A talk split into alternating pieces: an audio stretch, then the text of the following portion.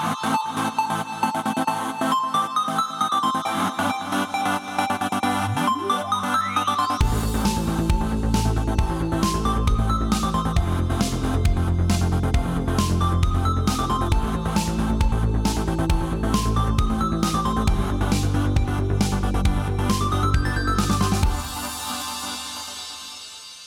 Hallå där och välkomna till Nördliv, en osensurerad, oklippt och fantastiskt nördig podcast om spel och allt möjligt.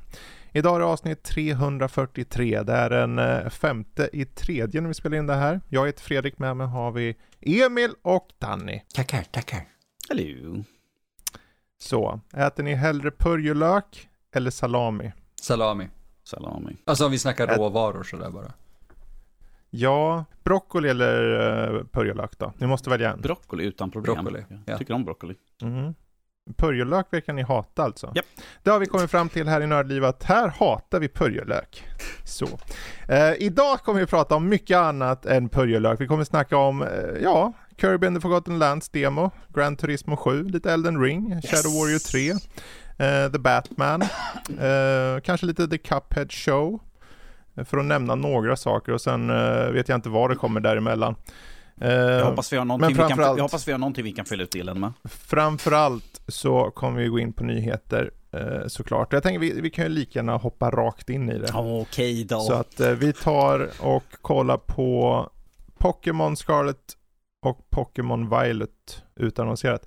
Det är ju många som eh, säkert har köpt, för jag vet att Arceus som släpptes har gått väldigt bra. Men att det kommer ett till Pokémon-spel samma år var ju kanske lite av en överraskning. Mm. Det kommer släppas nu i slutet av 2022. Eh, och det är ju, jag vet inte, det är, det är kul då, men eh, för de som gillar Pokémon-serien. Men jag är lite förvånad ändå att det faktiskt kommer så nära en på. Kan det inte bli lite så här korv- lite mättat stoppning kanske. liksom? Ja, Ja, för eh, jag tycker det blir övermättat med bara alltså, de här yearly eh, releases av typ COD och Assassin's Creed som var ett faktum Mm. ett tag. Så att släppa så här två olika Pokémon-spel på ett år precis. känns lustigt. Om de inte Ja. gör någonting extremt annorlunda. Ja, herregud, de släppte ju i november 2021 den här Brilliant, eh, Brilliant Diamond and Shining Pearl och sen kom ju Arceus nu i januari. Och sen då under slutet av året så kommer alltså en till. Fredrik, det kanske kommer Så- något också mi- emellan där ju. Ja, ja, man kan slänga. Men det är intressant att de går tillbaka nu på ett sätt då, för de har ju släppt, eh, om vi kollar bakåt så har de alltid släppt två versioner av de Mm. flesta. Mm. Så det har varit Sword and Shield och det har varit Brilliant Diamond and Shining Pearl och även om viss, många av de här har varit typ remakes nästan, eller Mm. remasters eller hur man vill kalla dem. Så Arceus stod ju ut där i alla fall. Mm. Den är en nytt typ av eh, Pokémon-spel på vissa sätt i alla fall. Eh, på vissa sätt är det exakt samma, men det är, det är en ny riktning där. Så då utifrån det som man har sett i den här trailern så ser det ju ut som att de går tillbaka lite. Ett steg fram, två tillbaka Fredrik. Ehm, men där de visar i trailern eh, som finns, det är ju väldigt, väldigt lite. De visar bara egentligen miljöer, mer eller mindre. Och sen var det någon eh, skum polis som går runt och letar, alltså live action inspelat. Ehm, så det säger inte så mycket, men det är, ja, fine. Så ni som ser fram emot Pokémon i allmänhet, ni kommer ha ännu mer att spela till slutet på 2022, om inget förändras. Mer att fånga. Precis. Eh, vad som också kan fångas, det är kanske fler spel på eh, Steam vad det lider, för Valve har gått ut och sagt i alla fall, i en intervju då, att Valve gärna ser att Game Pass kommer till Steam. Ooh. Och det är ju en intressant eh, tanke. Jag vet bara inte hur de skulle få ihop det riktigt. Hela idén är ju en Game Pass-tjänst Mm. där du liksom inte köper varje spel. Vilket är egentligen hela idén med Steam då. Men det, de har ju andra tjänster som är, de har ju den här EA Play på, på Game Pass. Mm. Eller på Game Pass, på Steam. Eh, oavsett, det var ju en intervju då med PC Gamer som det sa, sa, sades då att han, eh, och det här fallet är väl Gabe Newell då. Mm. Eh, att en liknande pren- prenumerationstjänst inte är något som Valve själva känner sig manade till att ta fram själva. Så. Eh, men att ett populärt alternativ bland konsumenter och så eh, skulle vara just om de kunde integrera Game Pass i Steam. Skulle ni vilja ha eh, Game Pass på Steam? Ja, alltså det skulle vara intressant. Det, det som jag mest skulle fråga vad skulle ingå i det, för det kommer ju inte vara hela... Steam skulle ju inte vara en del utav det på det sättet. Det är som att du får bara tjänsten att du kan ha den där. Eh, och att du kan ha spelen då på Steam istället för kanske på Microsoft Store. Eh, alltså, Jag vet bara inte hur de ska få det att gå ihop riktigt. För jag tycker det blir så jobbigt bara när man har något spel som är kopplat via, eller tvingas starta via Uplay eller i Origins eller någonting som man äger på Steam. Så att det blir så flera klienter som måste öppnas upp och ibland klickar de inte. Så om de kan få bort eh, det krånglet Mm. med Game Pass, ja, okej. Men, eh, nej, ja, mm. Det, det, är intress- Ja. det är intressant eftersom Microsoft har ju inte uttalat sig någonting om, om det här överhuvudtaget. Det är ju bara Game Newell som har uttalat sig om att han tycker det Ja, vara det är bara en tanke som Precis. har flugit det ut skulle, ur det, skulle honom. vara liksom. det som skulle vara intressant är ju då som sagt hur det implementeras. Mm. Eh, priskostnad, eh, pris helt allmänt ifall det kommer att vara vanliga. Eh, Alltså det är ju bara Game Game Pass. Pass, via klienten. Mm. Det, det kommer ju vara Microsoft kostnader, det kommer inte vara någon skillnad. jag, skulle, jag skulle mest säga liksom, okej vilka spel har, är det som är på Game Pass och vilka är det som inte är liksom, för att Mm. som sagt, du har Game Pass, tänker man, ja men det, Game Pass är ju på Steam, då kanske jag kan köra alla spel. Jag tror den enda fördelen skulle ju vara om integrationen mellan Steam och Game Pass blev så att du hade liksom, när du får ett achievement så är det bara på Steam istället för Ja. det. Mm. Det skulle vara det enda, tänker jag, som är fördelen här då. Eh, för att du binder spelen till Steam-klienter på ett annat sätt i så fall. Det är det enda jag kan tänka mig vore intressant för kanske gemene Steam-användare. Att slippa liksom, okej nu måste jag ha den här Xbox-inlogget och grejer. Slippa det och bara ha spelen rakt in i, eh, i Steam. Eh, men jag tänker för hela poängen från Microsofts sida är ju att kunna knyta kunderna till sig och knyta dem till Xbox som nu egentligen är en PC-app Mm. egentligen på många sätt och vis. Så att eh, de, tapp, de har ju riskerar ju att tappa kunder lika mycket som Ja, går över till det- det- det är Steam. ju- Så Hela det jag tror inte- de systemet... kommer aldrig liksom komma och säga, men det är klart vi ska ha, för det, det skulle gå emot deras hela idé om att samla kunder bakom sig. Men grejen är ju Ja. det att ifall de har, skulle ha det på Game Pass, det är kanske fler som ser det, kanske fler som blir intresserade av det. Och så kanske då tar, tar sig an tjänsten ju, för att Steam har ju väldigt mycket användare där. Ifall de kan få locka in folk därifrån, det är väl så, Mm. så jag ser att de kanske kan se att det har så mycket mer användare än vad vi har. Kanske fler som blir intresserade och ser liksom, ja ah, men jag kan få massor med Fast spel. där finns det ju en stor elefant i rummet. Okej, Steam kan bara finnas på en plattform i regel. Det finns på Linux. Mm. Men alla har Windows mer eller mindre. Ja. Så att de är ju på Windows. Det är ju Steam som får vara på Windows snarare. mm. Ja, men Eh, tänker man gaming på PC, så- då tänker du Steam. Absolut. Men jag tänker att Microsoft behöver inte ens tänka så. De behöver bara hitta rätt sätt att nå dig. Och de har ju redan, Mm. uppenbarligen når de ju folk. Oh ja, Game Pass är en asbra idé. Ja. Jag tänker att de lyckas nå ut redan nu så finns det ingen anledning att, att skära ner på sig själv genom att hoppa in i en annan konkurrensklient liksom. Mm. Nej, det är just För det. den, de är... de har ju till, de har ju, de når ju den basen av människor ändå, i och med att de i regel sitter på Windows. Ja. Och sitter de inte på Windows så har de Linux-version också, det är bara färre spel och ärligt talat, vem spelar på Linux? Eh, två. typ så, två. Mm. Nej, det finns säkert många. Men, eh, ja, jag vet inte, jag är skeptisk också. Jag ser egentligen ingen poäng med att ärligt talat personligen. Jag tycker, det, jag tycker att den här tjänsten som den är just nu funkar väldigt bra. Och någonstans, det måste, det måste finnas en konkurrens. Mm. Jag tror Steam mår bra av att inte ha Game Pass. Oh, ja. Ehm, jag tror det är bra att de differentieras mot varandra liksom, på något sätt. Ja, vi vill se Men, färre merges känner jag. Man Ja. vill ha fler aktörer, det blir mer innovativt, Precis. det blir bättre Precis. för alla. Sen är det som med allting, jag menar kommer de med en jättebra idé som bara alla bara åh, det där hade vi inte ens tänkt på, då kör vi in liksom. Oh, ja. Samarbeten Men, går ju, men. men ja. Ja, vi får la se, vi får la se. Sen har vi, nu till slut så blev det klart att John DiMaggio i alla fall kommer komma med i Futurama den nya säsongen som kommer, så eh, Yes. liten tidbit där. Eh, resten av gänget hade vi som vi pratade om häromveckan redan skrivit på eh, och nu blev han, eh, även han med, så att säga. Mm. Det, var värt, Eh. det var värt hans tid till slut i alla fall. Ja, det var värt hans tid. Jag menar, Eh, jag menar han det, är synd, det är synd att, att klaga på en liten inkomst där ju. Så. Mm. Det, det är liksom... Sen tvivlar jag på att han fick någon superinkomst, men han fick säkert någon lite högre slant. Mm. Eller så bara böjde han sig för det, vet vi inte heller. Mm. Jag, jag tror han, jag, jag har en känsla av att han om någon stod lite ståndaktigt fast vid, hans, vid vad han sa. Eh, jag tror inte heller att han så. krävde för mycket, man ska säga. Nej, Han, när man tänker Futurama tänker man Bender eh, och jag tycker inte att han varit orimlig.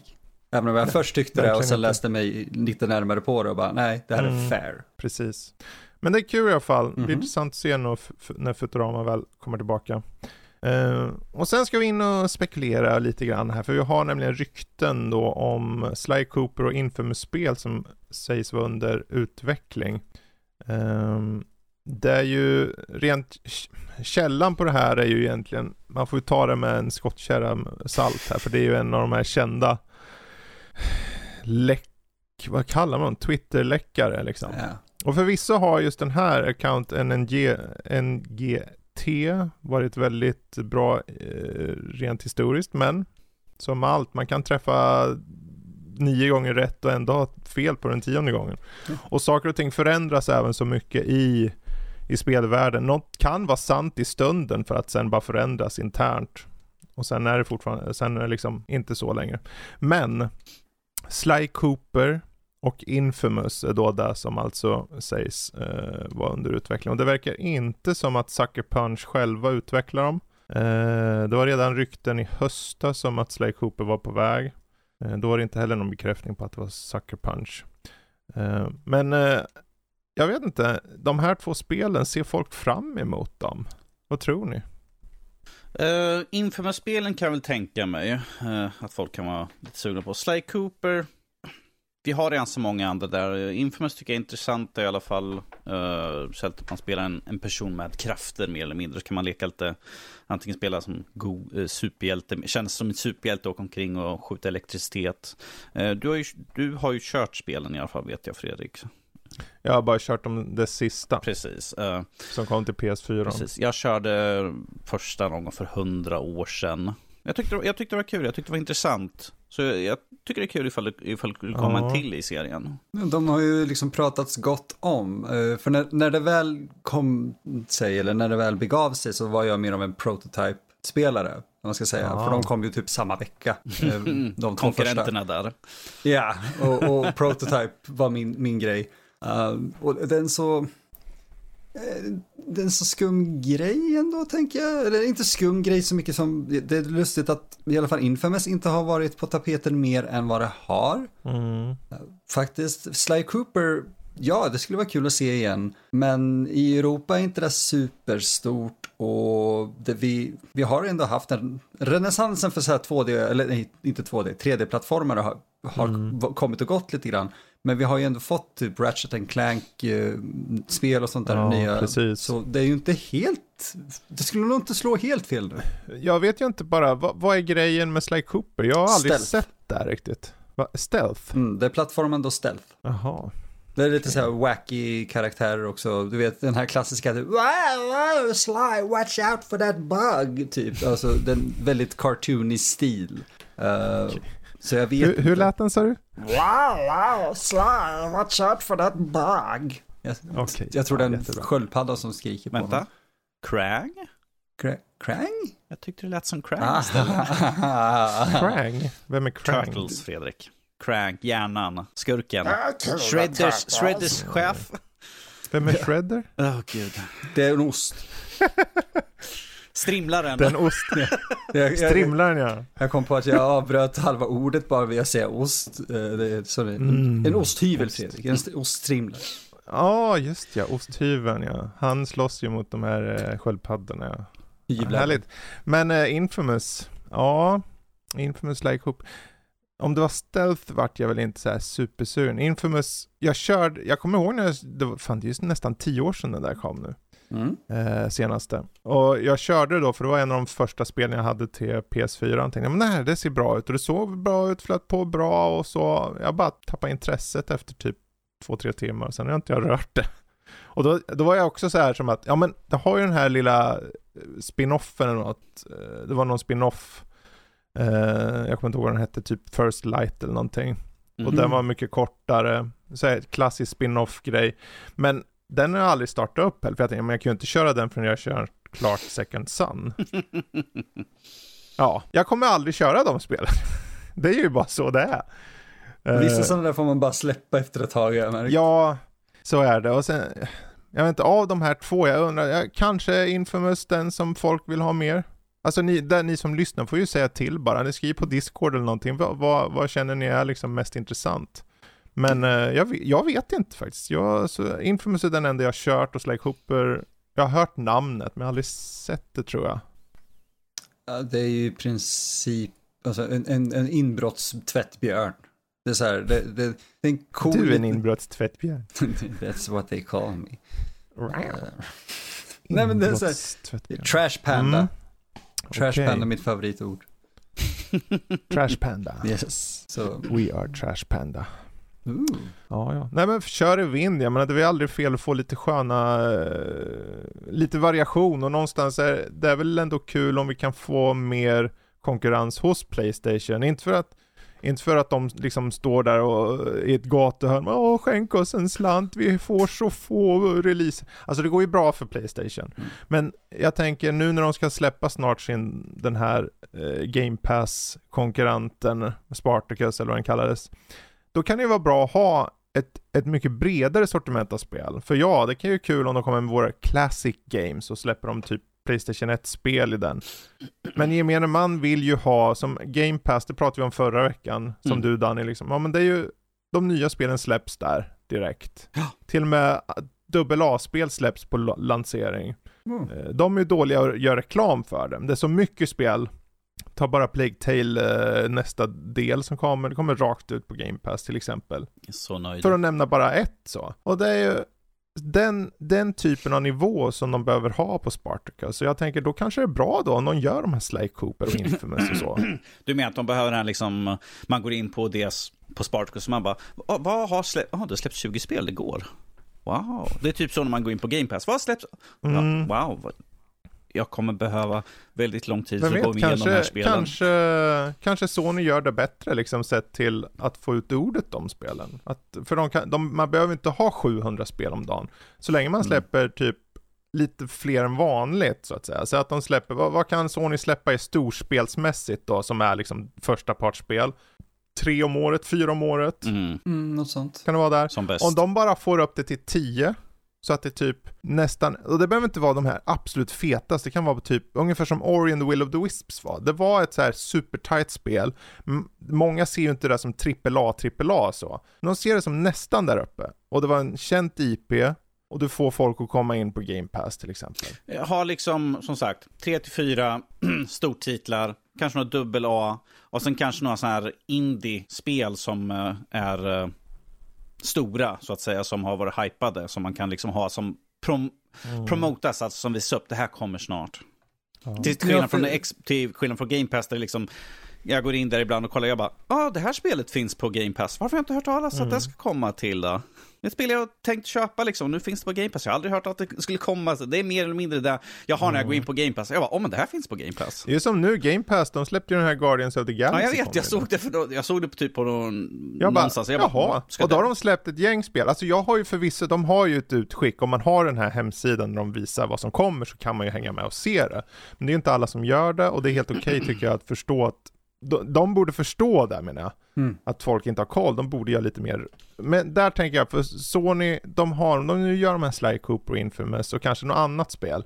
Så, så kanske de kan eh, ha den här rakt in i tjänsten och faktiskt vara bättre på att få ut ordet. Mm. Sony har ju varit överlag så, när det kommer ett nytt spel som Horizon eller någonting, då är det liksom, det ser man överallt och så. Oh ja, Känns det som. bio, Men, eh, hemma, på mobilen, man kollar på På någonting. bio också, okej. Ja, ja, gud. Alltså Sony är väldigt proaktiva när det gäller fall sin reklam. Ja. Jag har sett massvis med Sony-spel när jag har gått på biograf, för de har trailers där också. Så, Ja, det är klart, då gör de väl i samband med sina Sony-filmer då, Ja. mest. jo. Som till exempel. Spiderman-spelen har ju varit väldigt stort, så att säga, om man sett Mm, Ja. de har biografer också. På marknadsförstärkt. till exempel inför Spindelmannen och sånt. Ja. Ja, ja. Vi hoppar vidare istället. och så hoppar vi till Playstation VR 2 som nu först sades det att det skulle släppas uh, runt slutet, Holiday Mm. 2022. Men nu eh, verkar det vara istället som att eh, det släpps tidigt 2023. Mm. Eh, ja, jag vet inte.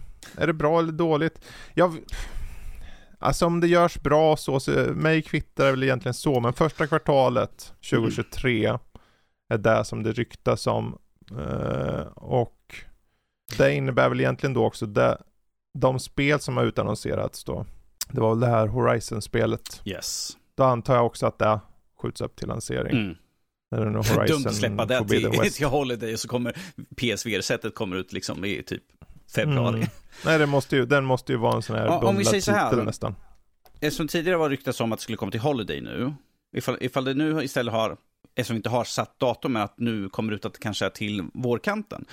Mm. Det är ju längre tid för då färdigställa spel, den spelline-upen som de ska ha, kanske producera fler enheter så det kan komma, så det finns en stor mängd och liksom komma ut till oss konsumenter. Mm. Jag vill bara, jag vill bara ha ett datum, pris och, och en, en eh, grej där jag kan förhandsboka det på. Nu. Precis. Jag har pengarna redan klara så. Ja, för jag tror inte de kommer göra om, eller åtminstone försöka att inte göra om hela PS5. eh, Jag kan inte kalla det fiaskot, men underskottet vid lansering lite grann. Det, det var så få som gick att få Ja. tag på och jag tror inte de vill göra riktigt den grejen igen, även om inte merparten av PS5-spelare kanske köper ett VR-headset ändå. Det vet inte jag, jag har Precis. ingen prognos om det, men Eh, vad var det? En, Nej. en miljon som hade, vad var det? En miljon som hade PSV rätt eller vad fan det var? mm, okej. Fem va? Fyra, Var fem fyra, fyra, fem? miljoner. Jag tänker, jag tänker på något Ja. annat. Ja, det kan tror det där fortfarande omkring. vara... Det, det, det känns ändå som siffror som de skulle kunna fucka upp om de inte är förberedda ordentligt. Ja. För det, det, för, Men plus, det är ju, plus att det enda spelet Ja. är som sagt, det är det här Horizon Into the någonting, eh, vad det heter för någonting. Det är det enda som jag vet som är riktigt sagt, det som trailern Mm. kom ut när de visade upp det ju. Men att det fanns ju tydligen fler spel som var sagda så att säga, skulle, Mm. skulle komma. Men att vi har inte fått någonting konkret ännu. precis. Jag vill bara ha Sen, eh, Kratos Eye Smashing Simulator. Ja, jo. Han gör. Ja, Du får köpa till DLCn tillgång- Atreus both shooting stuff. Jag tänker de, de vet nog i det här problemet med tillgång och efterfrågan. För det, alltså PS5 har ju sålt rekordmässigt. De har ju slagit PS4s lansering. Det är Så det är, ju- asnice. det, är ju inte, det är ju inte att det inte har funnits, det är bara att efterfrågan är så mycket högre nu än den någonsin har varit. För att folk är ju fortfarande hemma. Ja, alltså de, Och jag tänker, det är ju frågan i det här fallet då, PSVR. PS5 är en sak, jag förstår att efterfrågan är hög där. Men kommer efterfrågan vara lika hög på PSVR? Det är ju där det handlar om egentligen. Mm. För om efterfrågan är inte är lika hög som, som tillgången så kommer det ju finnas eh, bättre möjligheter. Och jag tror det är lite för nischat för att vara samma. Det är ju svårt att säga förstås med tanke på att fortfarande är ju folk hemma nu. Ja, Det är en annan situation. Ja, precis. Så det kan mycket väl bli svårt att få tag i en. Men jag känner att rent teoretiskt så borde det vara lättare att få tag på den med tanke på att alla är inte intresserade av en VR-enhet. Men alla kan vara intresserade av PS5, alltså grundkonsolen. Självklart. att det kan alltså, vara två olika kanske typer av användare så. Ja, Det tror jag att jag, är. jag kollade upp här just nu. Det här är från eh, nu i januari 2020 och det är cirkus 5 miljoner sålda PSVR.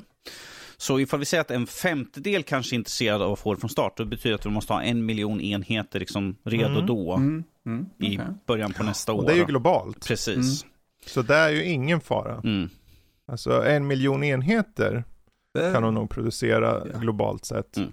Frågan är snarare, hur är det i varje region då? Hur, är det vissa regioner som det är mycket, mycket större efterfrågan i? Kanske i väst då, Ja. till Mm, exempel. Eh, kanske i Japan. Kanske, jag har ingen aning om Japan, men... Ehm, Ja, jag tänker, Ryssland kommer ju inte få några. Nej. Nej. Jäkla tur att vi inte har allt för mycket så här, vad är det, brytning och så för chip och Mm. råmaterial där. Det är nog en del, men inte. Men som Ja. sagt. eh, Ja, intressant. Ja, det är lite tråkigt att få vänta längre nu, men oh well. Ja, det blir ju, det är bara ett par månader Det är egentligen. bara ett par månader. Då hinner, Ja. jag, hinner jag spara upp lite extra pengar för att köpa in spelen. också, Precis. så här. Mm. Kan, du, kan du köpa två PSVR 2? Det är bra. Eh, apropå ännu mer spekulationer då. Eh, nu ska ni få gå igång. För Playstation ryktas återuppliva ett gammalt extremt populärt varumärke sägs det här. Och eh, det är ytterligare en av de här väldigt kända läck- läck-sajterna då. Som eh, säger att Playstation eh, ryktas nu utannonsera återkomsten av en extremt, här inom situationstecken, extremt populär franchise i kvartal 4 2022. Eh, och spelet sägs vara redan 70% klart. Då är ju den stora frågan här. Vi har ju pratat förut om både Infamous och Sly Cooper, men vad, vad kan det här vara? LSD Emulator. LSD Emulator, vi sa det här först. Eh, vi sa ju det här, för det här är ju någonting som har ryktats väldigt länge också om med Sony och då, det är ju Silent Hill. Ja. Är ju ett, eh, kommer ju säkert vara i toppen bland det som kommer spekuleras om. Silent Hill, för att Ja. du vet att det var ju mycket snack om det ju. Eh, jag har några stycken, det här är inte Sony, eh, många är inte Sony-producerade spel, men att de har varit på Sony när de släpptes. Men de äger IP'erna då liksom. Ja, ja, ja, en del av dem tror jag i alla fall. Ja. Eh, eh, eller de var i alla fall de som släppte dem på sina plattformar. Jag tror inte de har kommit på någon annan senare. Men vi har ju Killzone till exempel. Mm. Skulle jag väldigt gärna vilja se en fortsättning för. Förra spelet kom och gick och lämnade, Mm. ja. Finns det anledning varför de inte fortsatte att göra Killzone? Du tyckte inte om det spelet? Nej, precis. Yes. Så finns det anledning varför Körde du det där mycket eller? de, tills jag tröttnade på det. Sen var det liksom, eh, nej, det är inte vad jag förväntade mig. Eh, här här är bara några som jag skulle vilja se komma till uh, Dino Crisis. Oh. Folk har ju tjatat i väldigt många år nu om att få se en, antingen en remake, vi har ju fick ju det där jätteusla remastered eller vad fan det var för någonting, Ja. utav Dying Crisis som folk uh, kräktes på i flera liter. Folk kräktes på det. Precis. Eh, Twisted Metal pratade du Emil om förut här. Yes. Skulle vara intressant. Eh, här är några som jag skulle säga. Eh, Parasite Eve. Mm, det snackar vi. Okej. Det skulle vara intressant. Transit. Och Yes. jag skulle gärna se, nu är inte det här så inte, men att uh, Chrono Trigger 2. Så en Chrono Trigger-uppföljare istället för eh. Chrono Cross. Usch! Precis. Bra spel, det gillar ingen. Nej, nej, precis. Sen här, som jag, jag recenserade ju den här uh, upphottade versionen, men uh, Medieval 3. Ja, det är ändå... Alltså, men, men, det det- ja, Det här är vad jag så. skulle vilja se, sa jag nu. Inte, det här är inte vad Det här är så kul, för jag hade hoppats någonstans att det är någon av de här spelen, och så säger vi här att Playstation alltså ryktas som att eh, Extremt återkomma populärt. med en extremt Ja. populär titel. Nej, jag sa bara det här Och är det jag skulle det- vilja se. Och sen är det Medieval 3. Ja. Jag tyck, Åh, vad tyckte kul om, det skulle tyckte vara. Folk bara. "Vad fan är det inte här?" om- Var si och så på den här upphottade versionen. Men jag skulle gärna vilja se en fortsättning. Men som sagt, Ja, ja. högst upp är ju såklart Silent Hill. Eller Hills. Men det är det, de, de måste liksom så här slita den ur Konamis döda händer. Ja, men jag tror att ifall Sony skulle ge dem lite pengar så tror jag att de skulle, lite. så tror jag de skulle kunna Väldigt släppa det mycket där. Som pengar. sagt, det hade varit spekulationer väldigt länge om Ja. att Sony har varit i samtal med om att skaffa in IP't. Precis. Då inte köpa utan eh, att de... Jag kan slå vad om att skulle de få igenom det, så Mm. är klausulen säger att de får inte anlita Ko- Kojima. Yes. Det vore förmodligen det. Och då är frågan, okej, hur är Silent Hill utan, hom- utan honom? Well, vi pratade lite om det här innan Emil och jag hade ju sådär att eh, sen de gick ifrån eh, de eh, originalutvecklarna och gick till de amerikanska utvecklarna så kan jag ju säga personligen tyckte jag att spelserierna gick ner ganska radikalt. Storyn var hemskt. Vad, vad hette den där spelstudion i USA, Emil? I USA var det Double Helix. Double Helix och eh, han som var producent på det, som vi sa här, att han förstår sig inte på Silent Hill. Han fick en bibel med eh, vad Silent Hill och han liksom bara, var det sammanfattning, nej, vänta, en sammanfattning, ja här, okej, och sen gjorde han spelen. Det är mer så det kändes, enligt mig, så som jag tyckte när jag har spelat de spelen. Jag tyckte typ Downpour de där hade intressanta element. Men, och, och, det är det att det finns en intressant myt eh, som jag ska göra jättekort om, om man ska säga. Och det är just att Team Silent var ju aldrig en enhetlig grupp egentligen.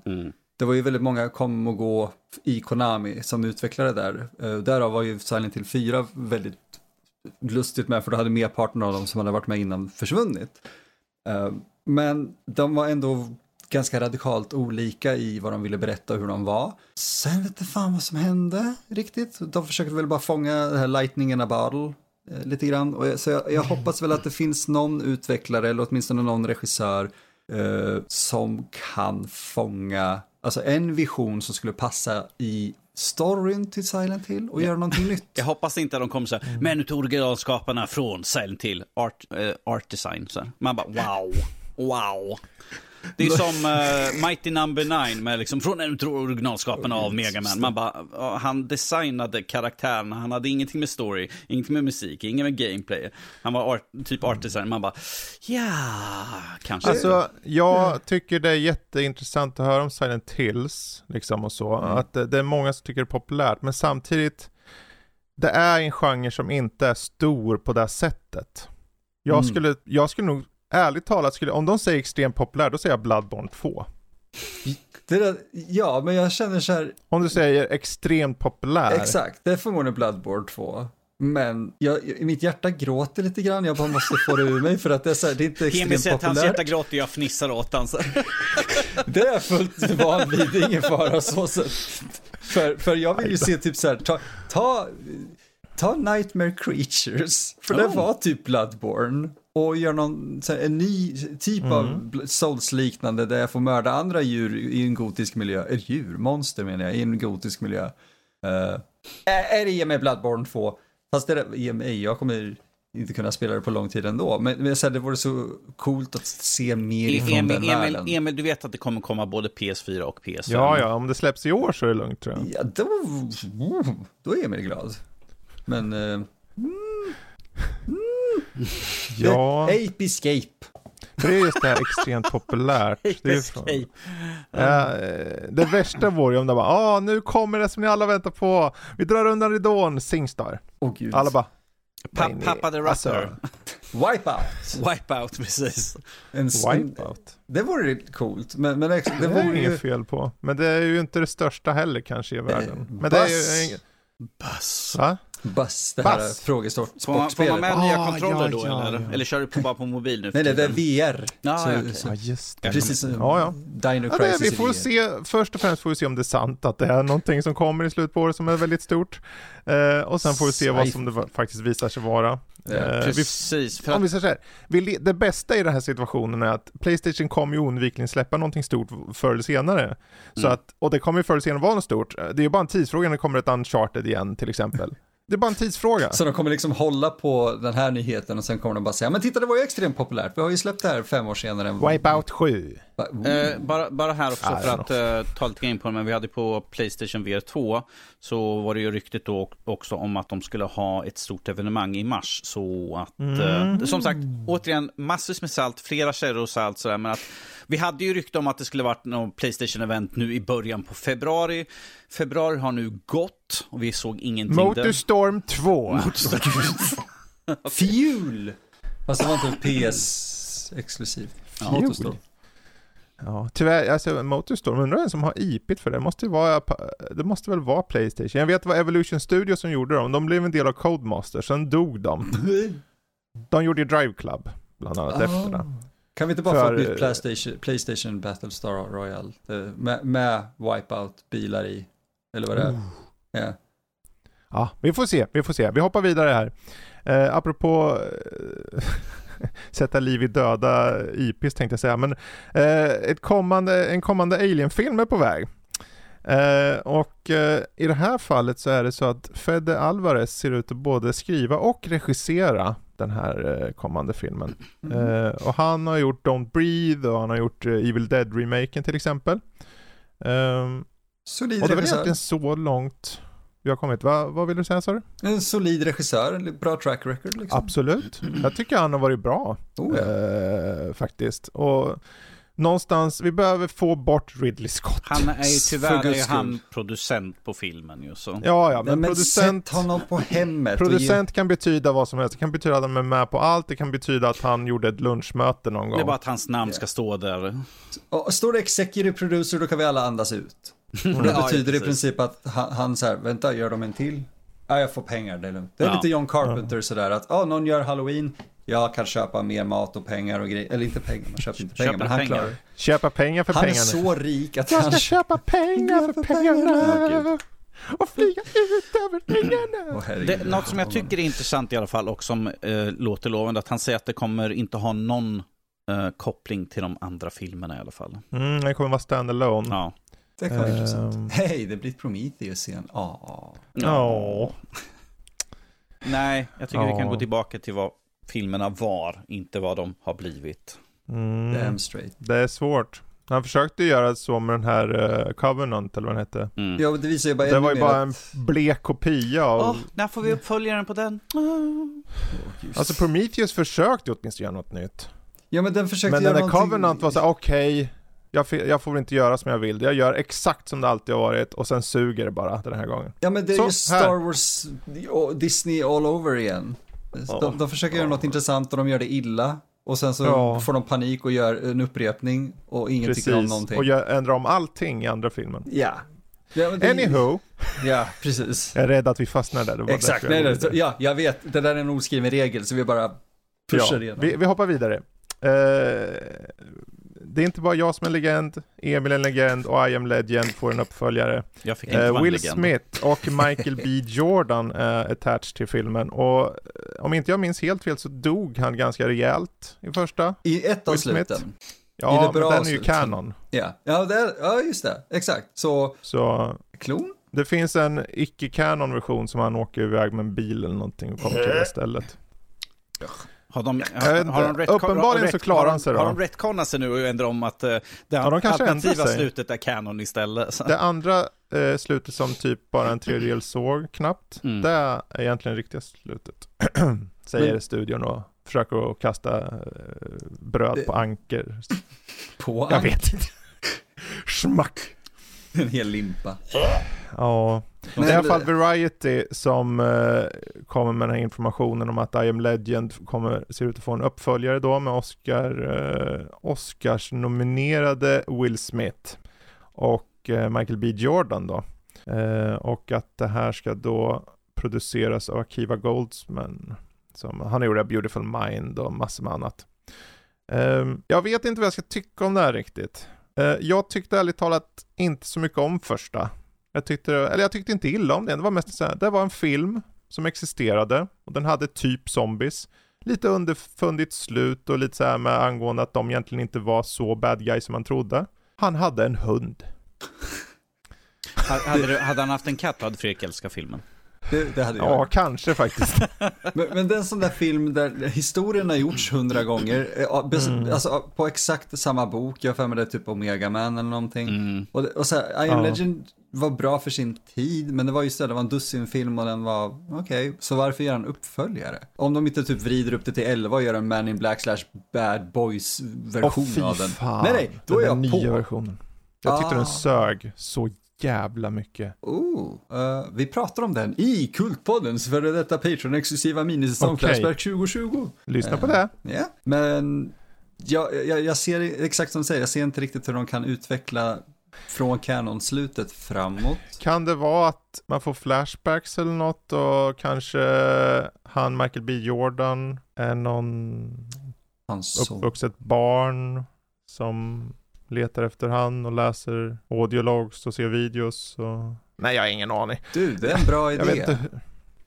Om de nu ska göra det här och försöka göra det De har seriöst. tappat virus, de har liksom, det har blivit virus igen så att säga. Det, det funkade inte med den här antigrejen, antivirus-grejen eller vad det var. Han försökte hitta, eh, var det inte något sånt? Jo, och jag de, de lyckades väl, det var därför hon kunde ta sig iväg. Och sen så hade de något eh, skit. För det är ju hela poängen att han skulle försöka få botemedlet. Ja, och han fixar ju botemedlet i slutet av... Ja av- men då, då säger vi då, okej han fixar det men han fixar det egentligen inte. Så att Nej. världen gick åt helvete igen och nu måste vi lösa biffen här med Michael B Jordan som läser gamla audiologs med Will Smith som säger ja, eh, eh, jag gjorde så här va. Han är svensk i den här scenariot. Okej, det- då, då, är jag, då är jag på båten igen. Det, det, jag vet bara inte så här... Jag, fan, gör någonting nytt bara.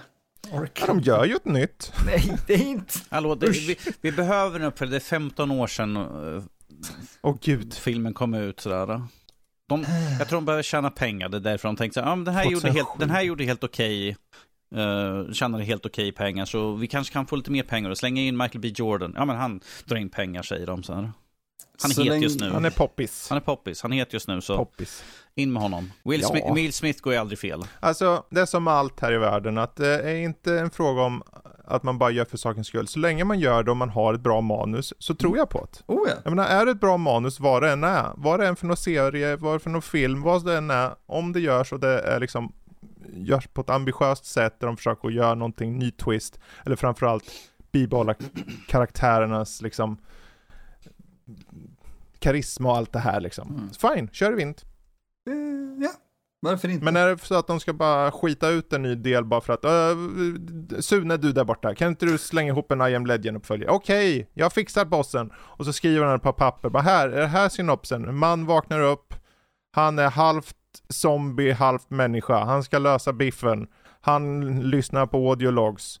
Det här är Will Smith. Jag kommer från Skåne, säger han. Och sen, nej förlåt. alla från Ernst Skåne. Hugo spelar... Ernst eh, Ja. Inte han, du. In, han är inte superdöd. i audiologsen. Exakt, inte audiologsen, för vi kan hitta en imitatör så kan vi deepfakea honom. Det kommer ju en ny säsong av Riket. Exakt, så det kan vi ha det. Ja, Japp. en legend. Det är liksom, jag, jag kan tänka mig att se det. Då vill jag också se det. Ja, det, och Mike, så Michael B Jordan och Will Smith och Ernst Hugo. Ja, amerikanare, jag tål dem inte. Vilken, vilken kombo. Ja. Vi, vi får hoppas att det inte bara blir att göra en uppföljare för uppföljarens skull, som du sa där. Liksom. Precis som vi fick Mm. med eh, Independence Day-uppföljaren. Den var så kul. Ja, e- Det eller var det sämsta jag sett och det var så Bad, roligt. Bad Boys. Den var, eh, kan jag inte Man får gilla det helt okej. Ja, alltså, det är inga fel. Det, det, det, det är att man kan, man kan uppskatta en film för många anledningar och sådär, men... Om vi ja, ser, men jag, det jag vill komma till att när du kommer med sådana här filmer och nu I am Legend 2, det är inte Mm. film man bara Åh, jag måste gå och se den på direkten. Det är, inget, det är ingen film som skriker du måste gå och se den här. Nej, jag ser det Speciellt här nej. inte, som... Det, eftersom du har ett canon-slut, det liksom, han dör. ja. Det finns ju en, jag ser det som en styrka potentiellt här att det har gått 15 år. För det är en sak om de hade prånglat ut den liksom två år efter originalet för att den tjänar tillräckligt mycket pengar. Mm. Nu är det i alla fall, det har gått så lång tid så att de vet att publiken kanske inte finns där längre, utan de vet att det, de har ett genuint intresse då tror jag. Jag hoppas det i alla fall. Var, varför skulle du vänta 15 år och göra en film då? Oftast är, då är det antingen är det att någon studio säger ja men det här fanns det pengar i, Independence Day, det fanns det pengar i. Mm. Men I am legend, gick den ens bra? 500, Jag har ingen 500 aning. nästan 600 miljoner på en budget av 150 tror jag det var. Ja, Ja, det är okej. 2000, var det 2007 då? 2007. 2007.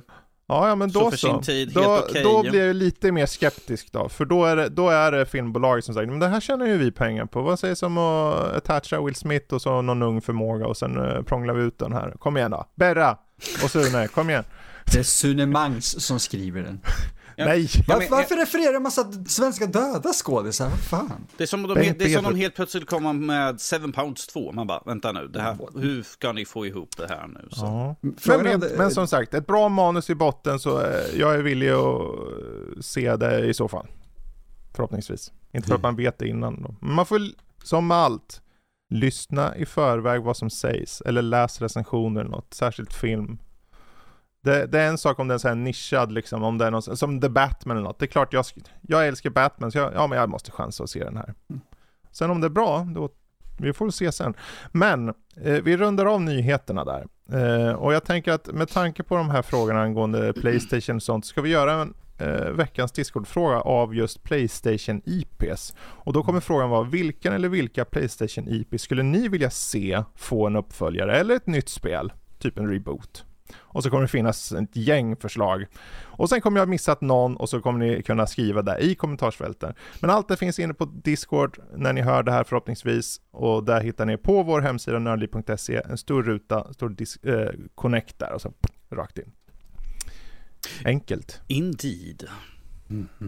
Bra, men då hoppar vi över till vad vi själva har spelat och sett och allting. Är det någon som känner, ja men jag måste bara prata av mig? Eller är det något ni, eh, någon, ni kanske, men du, du har ju kört eller spelat det här. Och, och sett det där eller Eh, någonting. jag, kan ju Vad ta, jag kan ju ta väldigt kort det som det här är ett första intryck på Shadow Warrior 3. Mm. Vilket tyvärr, jag har varit stoppad av en, en bugg. Eller någonting Åh, som nej. stoppade mig. Så att jag inte kunde komma vidare. Så att Fredrik fick logga in på mitt Steam-konto. Och eh, fick hoppa fram, för han hade inget problem när han testade spelet. Som han eh, har, eh, har, vi delar på, har sån här familjesharing. Så han kan testa på mina spel. Och han hoppade förbi där jag har eh, typ 10-15 gånger jag försökt att komma förbi och det har, spelet har stängt ner så sagt att Åh, Unreal Engine har kraschat tyvärr. Och Frick hoppade in han liksom bara, eh, vad var det, jag är nere vid ett vattenfall. Jag bara, vattenfall? Jag har inte sett något vattenfall. Sen tog han och screenshare, eh, screensharade här inne på Discord. Jag bara, ifall du vänder om, nej helt 180 grader. Ser du där uppe? Det var där jag kraschade. Han bara, ah, jag hoppade bara ner. Sen han bara, hatar dig så jävla mycket. Hey, when it works it works. Men Om- om, vi om ska inte kolla på den lilla biten jag har eh, testat på på spelet i alla fall så är det ju i sann anda. Det är väldigt köttigt. Det är väldigt blodigt. Det är väldigt mycket one-liners. Lo Wang, han kan prata hål i huvudet på folk med sina one-liners. Fast han säger han liksom, han bara, jag måste bättra på mina, mina one-liners. Man bara, wow, okej. Det är inte för det låter så bra ifall du till och med liksom, jag måste ha bättre one-liners i spelet. Jag tror inte ens Alltså, det var liksom en replik i sig, utan det var bara någon av författarna som skrev det och så spelade de in det som en line. Ja, precis. Mer bättre one-liners. Ja. Precis. Det är i alla fall skönt på ett sätt, men den här typen av spel, man kan det är, inte, det, är inte, det är inte något som liksom sätter världen i brand på wow, det här måste alla liksom spela. Nej. Men det vet ju vad det är. Mm. Spelet från start vet exakt vad det är. Men när du börjar liksom med någon slags, vad är det för någon? En dystopi där världen har gått... Där, en, där Ja. en legendarisk drake har mer eller mindre förstört hela världen. Ja, han är liksom uppe på en bergstopp i någon gammal vrak till hus och sen flyger en drakfur. Han står och bannar med ena handen. Du förstörde världen din jävel. Typ Mm. sådär. Och man tänker okej, det här kan ju inte bli knäppare. Jo, Ja. det kan det. Problemet jag har just nu, och tydligen väldigt många andra har, men som jag vet att, eh, för jag var inne på forumen på um, Steam, väldigt mycket stuttering. Jag hade jättemycket stuttering både i cutscene och i gameplay, men att de har tydligen, de, de har en post på, på, deras, eh, på deras hemsida, butikssidan för spelet, att de håller på att arbeta på att fixa med patchar för. Mm. Det är tydligen ett av de vanligaste problemen just nu, eh, så att jag får väl vänta in och se ifall det kommer en patch ganska snart här nu. Ja, det är synd. Jag menar, Unreal Engine 4 är ju, det är ju inte en ny motor direkt. Eh, den är väl en nästan 15 år plus gammal eller något. Ja, true and Så tested att- liksom. Ja, så det, det är synd att de inte har fått det att, att funka bra liksom. Precis, och jag tänkte så här, ja men det kanske bara jag som har gjort något. Eh, Finns det, någon finns det någon uppdatering på spelet? Nej, Eh, jag uppdaterade Men mina de har inte gett ut något så här, eh, ja men ändra de här grafikinställningarna så har ni Nej. bättre. Jag har varit inne och lekt och det är fortfarande i mina in, i, Ja. och sänkt liksom på mitt spel och allt sånt där. Men att ingenting gör varken till eller Okej. från. Så nej, Mm. inte just nu. Men att som sagt, de är mycket väl medvetna om det enligt deras post och de håller på att arbeta hårt med att fixa det. Precis. För att i, i Ja. slutändan, det är ju ett sånt här lite... Det är, det är sånt här nöjesspelande. Du hoppar in, du slaktar lite hejvilt. Det är liksom... Det är inte blod... Det är, alltså det, det är blodigt allvar för att det är flygmassor blod. Men det är inte ett blodigt allvarligt spel. Eh, om, som till exempel Horizon som jag spelade. Liksom hela världen hänger på dina axlar. Det är liksom... Åh, känn tyngden av liksom historien. Här är mer liksom... Han är lite halvtokig. Han har sitt svärd och han har sin pistol. Hoppar och skjuter och mördar liksom folk höger och vänster. Och, och fnittrar för sig själv. Mm. Det är liksom mer den typen och det är typ gameplay. monster han Ja. mördar liksom. Det är Precis, det är folk så. zombies och lite sådana där. Så att det är Ja. inget superallvarligt på det sättet. Det är lite mer feel good. Jag, går in, jag måste slakta någonting. Jag hoppar in i Shadow Warrior 3 och slaktar lite monster. Jag, jag kom Ja. faktiskt på en grej gällande Shadow Warrior, för jag är ju lastgammal när det kommer till de FPS och du är häromdagen. gammal. Ja, till F, när det kom, ja, men när det kommer till FPS särskilt, för original Shadow Warrior som kom 97 hade ju Mm. en, en mer eller mindre, kan man ju säga, problematisk, eh, en problematisk manus kan vi säga. Eh, Det var en annan tid, som man brukar säga också. Men eh, den röstskådisen som jag inte minns namnet på nu gick faktiskt bort för bara några dagar sedan. Ja. Jaha, Yes. Jag kom på det nu när vi pratade om det, så okej. ville flika in med det. Ja, Kul ja, vad ska man säga? Kul!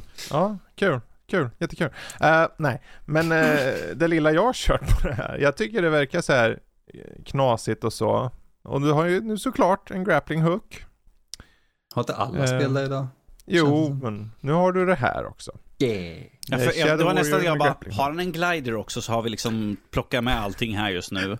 Så, så Han kom- kan ju wallrunna också. han så. kan wallrunna också precis. Allt är Breath of the Wild. Ja, eller Titanfall. Eller kanske. Titanfall precis. Ja. Nej, alltså det är sådär, jag tyckte det var lite kul. Och det jag tror det, jag tror nog, för vad jag har hört så är det en ganska kort spellängd Un, under fem timmar. Ja, och någonstans känner jag, det är nog bäst så. Jag vet inte om jag orkar det här i tio timmar Jag faktiskt. satt, som sagt, eh, så jag nämnde det här förut innan vi började spela in. Jag satt och kollade bara ifall det var någon annan som hade problem eller någon annan som hade lösning på det. Och det jag såg Mm. mest av folk skrev att 55 dollar för fem timmars speltid var hutlöst. Och massvis Mm. hade lämnat tillbaka spelet för de tyckte att det var inte värt det. var inte värt det. Plus alla problem de hade så gjorde det ännu mer eh, attraktivt för dem. Är det på konsol det kostar 55 eller? Eh, nej, jag, jag tror att det är nog Deluxe Edition som var 55 eller något sånt där. Ja, okej. Ja, för den kostar 45 45, okej på... 55 är Deluxe Edition då. Men att Ja. folk tyckte att Men det är ju fortfarande- fortfarande liksom, det är ju nästan 450-500 folk, spänn folk tycker ändå. att det är för, för dyrt för vad man får. Jag är nästan lite beredd på att hålla med att- för det här Men priset. det där är inte... Men om det är genuint roligt i fem timmar, är inte det värt 500 då? Ifall spelet skulle fungera, ja. Ja, Ja. Men jag tänker i, i ett scenario om, om där vi han säger, är vilket det spel bästa som av helst. världar att spelet fungerar eh, felfritt? Sure, yes, då är det helt Ja. klart värt det. För ifall jag kan stänga av hjärnan totalt och bara ha nöjesspela i fem timmar för det här priset, yes. Precis. För det är egentligen, då är det ju bara, det är ju, alltså, eh, det är ju så, som med alla spel, om, om det kommer ut och det inte funkar, Mm. då ska ju folk såklart med rätta få pengar tillbaka. Ja. Det är ju bara så. Om det är stutter som du säger eller någonting. Eh, Det är hemskt Eh, alltså. eller Jag, jag, jag, någon funderar, jag funderar, jag bara, har mitt grafikkort lagt av eller något sånt där? För det är liksom så här, glitches i allmänhet så, det, självklart. Det är synd. Vi får se om vi kan komma tillbaka till det här. Förhoppningsvis så kommer du igenom den nu då, när jag, eh, såklart, när jag startar nu, upp det och nu inte hade några har, problem vi har alls. fått en savepoint efter det jag kraschade, får se vad, det, Ja, vad händer Kanske härnäst. kraschar på en gång då. Precis, jag startade upp till den bara, se. nej, tyvärr. Men, eh, ja, apropå något som också haft mycket problem på PC, Elden Ring. Ja. För det här är ju, det är intressant, för vi hade ju Cyberpunk när det begav sig, som på en plattform var skräp. Mm. PS4 och Xbox One. Medan det funkar väldigt bra på PC. Och här är det tvärtom nu. Tack och lov då. Jag vet inte om det hjälper eller stjälper, men jag tror det hjälper i det här fallet. Att konsolerna funkar bra verkar det som. Typ, jag har då, alltså det finns status där också. Men det är inte lika mycket som på PC. Och jag tror det är bra, för jag tror det är den publiken, konsolpubliken tror inte jag tänker lika mycket på det. Faktiskt. Jag tror om det, att- om jag- det är lite status här Jag och var. tror att till skillnad från här från Shadow War så hade de någon sån här fix man kunde gå in i någon inne-fil och eh, fixa där inne. Nej. Var det inte det? Nej. Jag fann att jag såg någonstans att det stod att Det, det fanns de har, kunde leka det har påpekats till utvecklaren men de har inte gjort något åt den. Okej. Inte ens när det kom 1.02 på Eller PC. Fromsoft har varit fullständigt värdelösa på PC-portningar. Typ alltid. Ja, det, det är synd. Ja. Men vi ska inte hänga oss på det. Nu ska vi egentligen ta, pra, hur ser du, hur, vad är din upplevelse av Elden Ring nu Emil? Så, nu blir det alltså tre timmar eh, Jag lutar mig tillbaka. Elden Ring. Jag tar fram min monster Eh. och lutar mig nu. Eh, jag, jag recenserar ju det och den är ju ute nu, den, den texten. Så jag ska försöka Precis. inte upprepa mig för mycket. Uh, caveat, liksom. Man får tänka på att det är ett Soulsborne-spel, lite grann.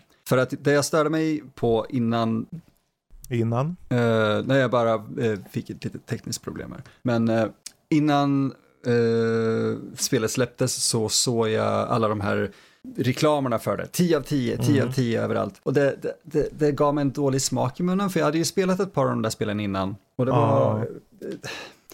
Det, det, det är inte 10 av 10 för alla och det var som att Elden Ring också marknadsfördes till en så bred massa. Det, det var som ett spel för gemene man. Eh, precis, och det är inte de här spelen eh, ens i sina bästa dagar. Eh, så jag tror det blev en liten miss i marknadsföringen för man har sett det hos vissa. Inte bara de, alltså, folk som kommer in och vill spela det och upptäcker hur svårt det är, utan Mm. det, det har varit väldigt negativt på många platser. Och sen har vi då de som har sett fram emot det här och älskar det lite väl mycket och kan inte bortse och från, eller kan rättare sagt inte se de här problemen som faktiskt har funnits med i tidigare spel också i serien, man ska säga. Uh, för mig var Elden Ring en väldig berg och dalbana, men med fler toppar än bottnar. Och jag är fortfarande inte färdig med det för att damn, bitch is big. Men det är en stor en. Den är, åh, oh, det är så enormt. Men den upplevelsen jag hade var en, ett, det, det, det är någonting jag väldigt sällan uppnår. Och det var mm. helt enkelt att jag kände just, ja, här har vi någonting som för mig kan klassas som ett mästerverk på, ett, på många vis. Absolut inte alla. Eh, berättandet är helt briljant. Världen är helt briljant uppbyggd. Det kanske är en av de bästa öppna världar i koppling till sin historia som jag har varit i. Uh, många öppna eh, så open world-spel är verkligen bara, hej, vi har så här många kvadratkilometer och sen fyller de det inte med någonting. Och fyller de det så är det ofta med skit. Här i så är det faktiskt någonting som sker överallt och man, man kan liksom se hur det bygger ihop in i världen. Jag förstår att det har tagit tid att utveckla. Uh, sen kommer man till typ första bossen som har varit lite av en snackis. Uh, den första ordentliga bossen som sopar mattan med dig på ett par sekunder egentligen, särskilt om du är ny spelare. Är det uh, Margaret? Eller? Margit, exakt. The, mm. the Fall Omen. Och den bossen är ganska briljant ur ett designperspektiv från utvecklarnas håll. För att det är en summering av Dark Souls, Bloodborne, Sekiro. Men för, för någon som eh, kanske plockar upp det här för första eh, gången, alltså Elden Ring är deras första Soulsborne-spel och bara yes, åh, oh, en boss, vad kul! Den väggen.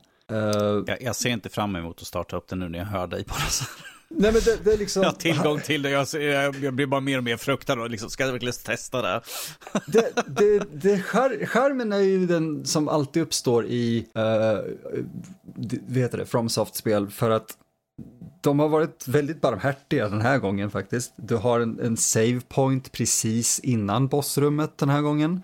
Vanligtvis i, i typ Dark Souls 1 så kan det vara fem minuters sprint eh, från död till bossdörr och för att dö en minut in igen. Mm. Om ens det. Här har de frångått de grejerna i, i, oftast, inte alltid. Och jag, jag tackar FromSoft och, in, på, på, alltså enormt mycket för det. Mm, men när man väl lär sig hur exempelvis Margit särskilt då fungerar, eh, om man vill spendera den tiden. Det är det, man måste lära sig rörelsemönster lite grann. Man måste lära sig att se vart är de här tälsen. Vart är mitt fönster? Uh, jag gjorde det efter ett 30-tal gånger, oh, kanske. Och efter att ha gått iväg och levlat upp. Därför att det är det fina i Elden Ring. Du kommer stöta på den här enorma väggen. Som är Margit kanske. Om du inte är en sån här, ah, jag kan göra det här blindfolded och utan problem. Jag tror, har... den, jag tror den enorma väggen var till exempel den här draken som man stöter ut i startområdet. Yeah. vi, hade, vi hade ju, som sagt, vi, vi tog upp det i förra veckan tror jag, att vi satt ju och spelade det hemma hos Fredrik. Yeah. Jag, jag och Matte var över där. Och Matte var ute och sprang och så helt plötsligt sprang han bara, men jag springer hit bort så liksom. Kommer det kommer någonting in, står en massa gubbar liksom, bara, vad gör de där borta för något? Vi springer och kollar, springer dit, så helt plötsligt ser man något stort som kommer inflygande, en stor drake, landa, ta död på alla gubbar, och sen liksom så här, jag kanske ska springa Börja ifrån. spruta, spruta eld och vi dör precis. på en gång. Liksom. Allt, allt liksom, vi kan inte gömma det bakom trädet för de brinner upp och blir liksom, så här, borta. Liksom man bara, eh, nej. Det är, dock, det är dock en ganska brilj briljant design, alltså ur hur de här spelen fungerar. Därför att du lär dig att, okej, okay, jag tror till och med att draken är kvar sen på plats. Mm -hmm. Jo, ja, den, den, den, man såg den scenen när den sprang förbi där borta. Man ser den på håll fortfarande. Ja. Den är kvar i området. Ja. Nope, det är ett dött område för mig. ja, men, men de områdena, alltså inte alla dem, men, men jag känner att där kan man lära sig att okej, okay, fuck me, den där kommer döda mig på en gång. Got it, jag lär mig. Uh, det, är inte, det är inte orättvist så mycket som lite skitsnack samtidigt som ändå du ser nu draken, det är inga problem. Och kan... det här kommer vara ett problem. Kan jag modda in en atombomb? det, det, hade ju kunnat hjälpa mot den där draken kanske. Kan, men... kan, jag, kan jag få göra som i, uh, inte Command, vad var det för något? Man kunde få in en sån här, Nej. Man kunde få in en liten eh, en bil med... eh, Age of Empires 2. Age of Empires 2, man får den här bi moderna Ah. bilen med laser eller vad det är för någonting så här. Kan få, Ja, det, kan jag få ja. den att sladda runt och liksom göra en donut runt den och skjuta den samtidigt? Så De har säkert moddat in det redan. mig. Ja, om inte annat finns det ju så mycket så här YouTube-guides och grejer Exakt. om man vill få OP-gubbar liksom. Så. Och det, är- det är det, man ska spela de här spelen på det sättet som gör att man har kul. Och en guide gör det, An, liksom, använd en guide, läs på. För att sen kommer det ändå ner till hur bra du är på spelet ändå. Självklart, ett starkt stort vapen kommer hjälpa dig. Men eh, det, liksom, det kommer ner till hur du lär dig att Jag tror, spela jag tror inte det spelar någon roll hur stort vapen jag än har för en jäkla drake. Ja. Jag kommer dit och liksom, han bara, åh, en nagelfil. Du, man kan besegra dem. Det går. Det är det. det alla, alla bossar och sådana där större fiender har svagheter. Man måste hitta dem, vilket i sig kan vara en jävla resa. Uh, Margit exempelvis kan jag säga, om någon spelar Elden Ring just nu och har enorma jävla problem Eh, med just Margit så är det vänster ben, eller ja, vänster bakben kan vi säga, på baksidan av vänsterbenet, precis intill svansen. Ställ er där när ni kan, för att Margit kommer flippa ur, för att det är det enda stället han inte försvarar konstant. Det är liksom öppet för att hugga och anfalla. Uh, sen får man självklart vara snabb och rulla undan, uh, för att han blir ju upprörd och arg. Men, uh, Rolla, rolla, rolla. Rolla, rolla, rolla. Eh, men jag, har aldrig stött på en värld egentligen tror jag som har gjort mig så exalterad att bara utforska. För att du behöver inte gå critical path från början. Det här är det första open world uh, Dark Souls-spelet egentligen, om man ska säga, Soulsborne-spelet. Och, och du, du kan gå precis vart du vill. Du kommer dö, men du har möjligheten att göra det och använda stealth eh, har aldrig varit så här roligt. Eh, det, det, det är sjukt. Kan, så kan, bra. kan, kan inte jag bara få gut mode så jag kan bara få utforska världen och titta runt sådär? Det skulle typ förstöra allt berättande. Nej, nej, men, nej, jag, jag vill utforska. alltså, Vad handlar det om då? Okej, har vi en timme? Men just eh, premissen. premissen. Eh, premissen är egentligen att, att världen har hamnat i krig. Eh, ett krig som kallas The Shattering. Och du tillhör en, alltså du är en människa, men du har blivit bannad ifrån the land between, kan man säga, som är eh, paradiset nästan. Kan man väl tolka det som. Och du kallas tarnished för att du är syndare. Liksom. Du får dock en chans att kunna upprätthålla, eller upp, få tillbaka heder kan man väl säga, eh, och, och nåd ifrån eh, de här gudarna som har bannat eller den här drottningen, Mar- eh, Marika tror jag den heter, eller Marika. Och för att kunna få den här nåden från henne så behöver du samla ihop skärvorna av det som egentligen var katalysatorn för kriget, alltså splittringen av The Elden Ring, en, ett mystiskt fenomen eller föremål som föder den här jorden och dess eh, Earth Trees kan man väl säga. Det är som Silmarillion i väldigt mycket men eller på sätt.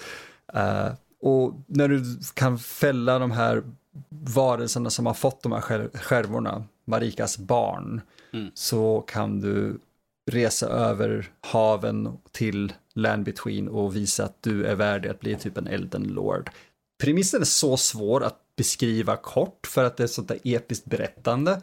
Det är precis som att försöka förklara Silmarillion på en logline.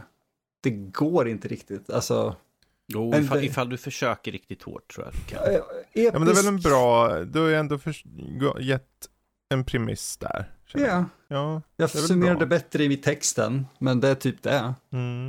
Uh, Det är nog all historia jag kommer få ur spelet. Ja. De Ja, för alltså de jag har ju startat de- upp det, jag har inte ens fattat att det fanns den där storyn om jag ska helt. Jag vet ju det här med att man är en tar... Du är ju som vanligt, du vaknar upp död. Ja. Typ, fast levande. Ja. Eller inte. En tarnished. Eller vilken namn du vill kalla det som souls, som vanligt. Mm. Och sen så är det så här NPCer som lite kryptiskt pratar med sa- om saker och där Jag har satt på en gren och åt stuvade makaroner. Vad har det med, var, varför säger du det till mig? Mårdare också djur. Okej, jag går och pratar med den här snubben här borta. Vad jag tycker mycket om med det här, Elden Ring, det är just att den här mystiken, det, den bjuder verkligen in till utforskning. För även om jag inte hängt med på premissen, som, alltså när jag startade och körde själv. Jag vet ju att man, målet är att bli en så kallad Elden Lord. Ja, Du vill ju samla ihop de här The skärvorna. Eh, Great skärvor, runes. skärvorna. Ja. Eh, och det är egentligen, alltså det spelar egentligen ingen roll om du, och jag tror det är viktigt för de som, för du berättar det där storyn, men om du som nybörjare börjar spela det här, så finns det en väldigt stor chans att du inte fattar ett skit av det. Nej, för det här berättas inte i Nej. spelet. Alltså, För det är ju så här, antingen en så berättar du en berättelse och du gör det tydligt för spelaren och då har du ju Horizon eller någonting. Eller Mm. så är det en sån här berättelse som finns i dokumenten som finns gömd i världen. Men då behöver du också vara van med det tror jag. Du behöver ju Yes. ha kört Souls, du behöver fatta att det är så. Ja. Om du inte har kört Souls och inte vet att världen är så, då kommer du ju bara gå förbi det. Jag, jag tror du kanske... I alla fall finns chansen att du gör det. Exakt. Men jag, Tills du fattar att okej, jag behöver alltså, om jag ska veta mer om världen så behöver jag, okej, jag behöver ta reda på vad han säger här och faktiskt lyssna mer. Men det är också här, har du orken? Jag har personligen varit så här, alltså jag orkar inte. Mm. Jag skiter i det här. Och jag tror om jag var sån, då finns det definitivt väldigt många. För det är om du tar Horizon till exempel, det är ju inte som att de gömmer berättelsen i några hörn och så får du prata med en märklig karaktär som pratar så här mumbo jumbo och sen får du bara liksom, okej vad är det här kryptiken han pratar här? Där säger de, berättelsen är så här, det här är premissen. Och sen så precis som en film eller någonting så liksom ges det. Det ena är inte bättre än det andra. Det är bara att du behöver veta det innan du går in i det här spelet. Så att ni som, om ni lyssnar och liksom, jag har aldrig kört ett soulspel. Då ska ni åtminstone ha chansen, okej, ta reda på vad folk säger. Försök att faktiskt, kanske till och med skriva upp vad folk säger. ha med papper och penna Eh. eller åtminstone vara redo att Så att du vet, okej, den sa någonting om det här snåret på den här ön här borta. Yes. Okej, skriv upp det. Försök att vara beredd på det. För om du är med på den där mystiken och försöker att lä- läsa in i den, då kan du få ut det här som Emil, förlåt, jag tolkar, försöker tolka, så jag tänker om de, Mm. någon lyssnar och inte vet det liksom. Sen är det såklart, vem vet inte om soulspelen idag? Ja, jag tror Elden Ring är kanske det Typ. bästa stället att hoppa in om man är nyfiken. Mm. För att det är barmhärtigare. Jag tänker inte säga att det är barmhärtigt direkt. Nej, nej, nej. Alltså, alltså det är ett soulspel. Det är Ja. bara att för soulspelare så kommer det vara enklare. Ja, Och för gemene man så kommer det fort- fortfarande vara svårt. Det kommer vara svårt men, Men- inte Dark Souls svårt. Nej, och du kommer tack och lov för den här inledningen som jag tyckte var väldigt bra i spelet. Den med är att du gick, som visar upp, okej du gör så, det var väldigt tydligt. Det var som en, Ja. du fick lite story samtidigt som det var en tydlig tutorial egentligen. Ja. Och det, jag vet inte om jag har sett det i Souls, det kanske har funnits i Souls tidigare, jag har ingen aning. Souls spottade Ja. ut lite text på marken och sa åt dig, så här gör du, nu går du och dör. Och det, det tycker jag, det är bara, det är en lathet från utvecklare. De kan säga hur mycket de vill att det finns i världen och du behöver leta upp det. Men ni gör ju spel för att folk ska spela det. Ja, jag har alltid haft Liksom. problem med deras tutorials för att jag tycker Men nu- ändå... Ja. Nu i alla fall så hade de det. Och jag, tänkte, jag har varit så glad över det här faktiskt. Och sen har du den här artstylen som är jävligt nice. Bossarna är extremt varierade. Oh ja, Väldigt varierade. fantastiska. Jag tror nog en av de största styrkorna är bossarna.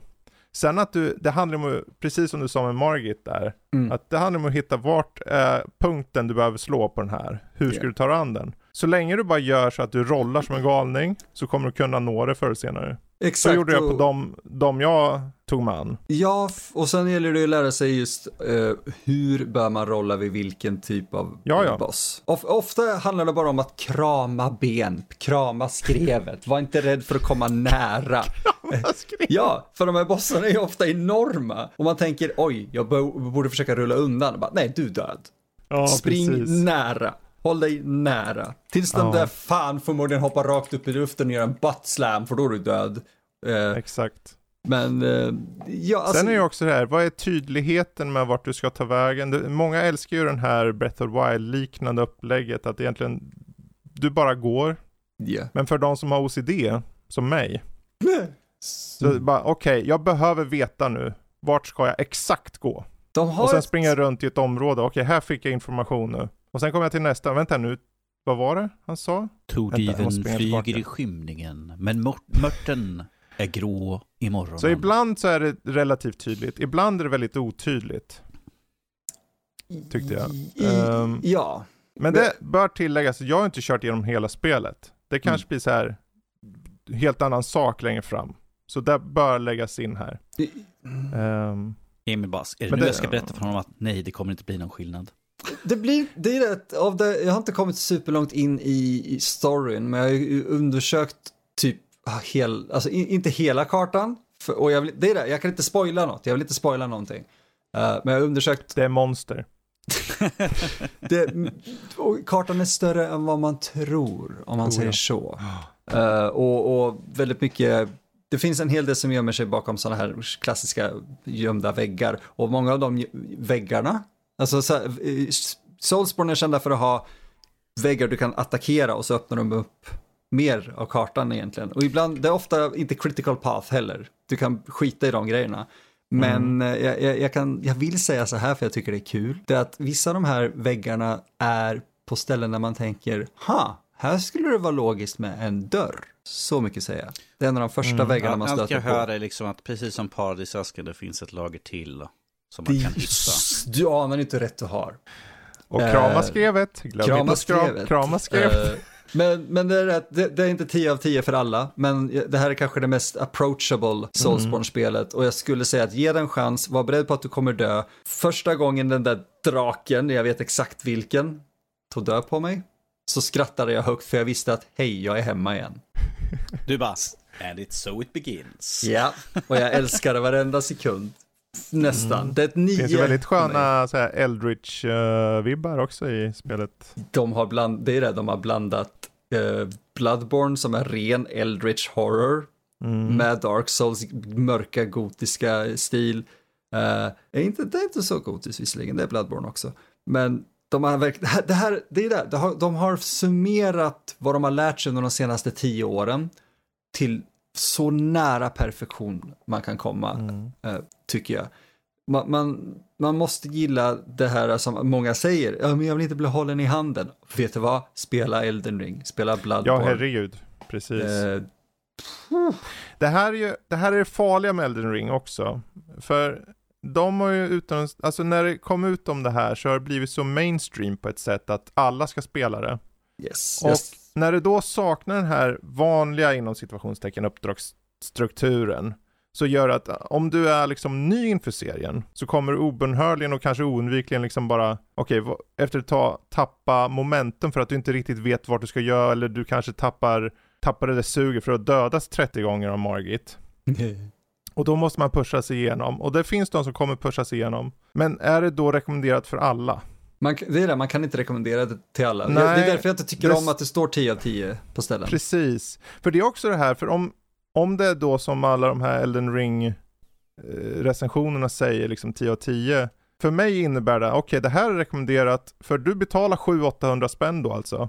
För någonting som du kanske stannar efter en halvtimme för att du bara, jag pallar inte det här. Och det tycker jag är synd då. Okej, Jag Jag tycker- förstår att det kommer vara av, av fem pers, om vi har tur så är det fem av tio som faktiskt pushar där. ja, Och kommer Fredrik, få en, Fredrik, den här upplevelsen. Fredrik, jag ska sätta upp ett Ja. stoppur och så när jag startar spelet så slår jag igång och ser hur lång tid det tar innan, Nej, jag, innan jag, jag tänker innan jag deletar. Jag tänker vi två tillsammans kanske kan sitta och bara mangla liksom. Ja, det ska ni göra. Och titta på liksom. Och Och ge, ge det definitivt mer än en, för alla, ge det mer än en Mm. halvtimme. Det är så många som, eh, jag vet att du har en Final Fantasy-älskare där hemma, men, men ursäkta mig.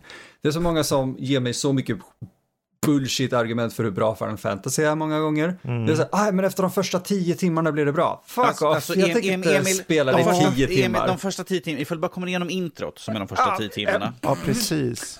Och det, där, och det där är ju svårt, för det där är ett intressant argument också. Efter de här timmarna, för det är ju samma sak för mig, Elden Ring. De första fyra, fem timmarna, jag, jag vet inte om jag orkar köra mer, men jag har ju det tillgängligt, jag testar. Fördelen det har är att mystiken och världen är ju, eh, den bjuder in till Yes. utforskning. Den bjuder in till eh, nyfikenheten och allt det här.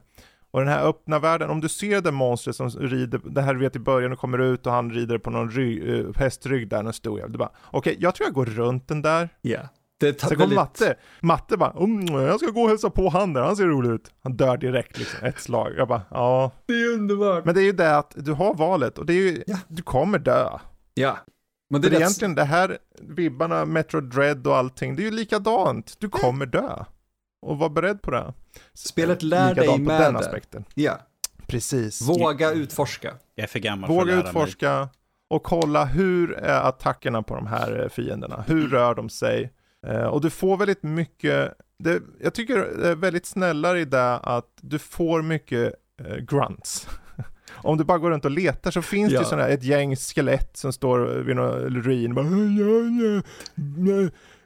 krama och sen, och sen är det ju ett par, Och så kommer det bara- sen är det ett par fladdermöss man kan ta och plocka också. Ju sådär. Precis. Ja.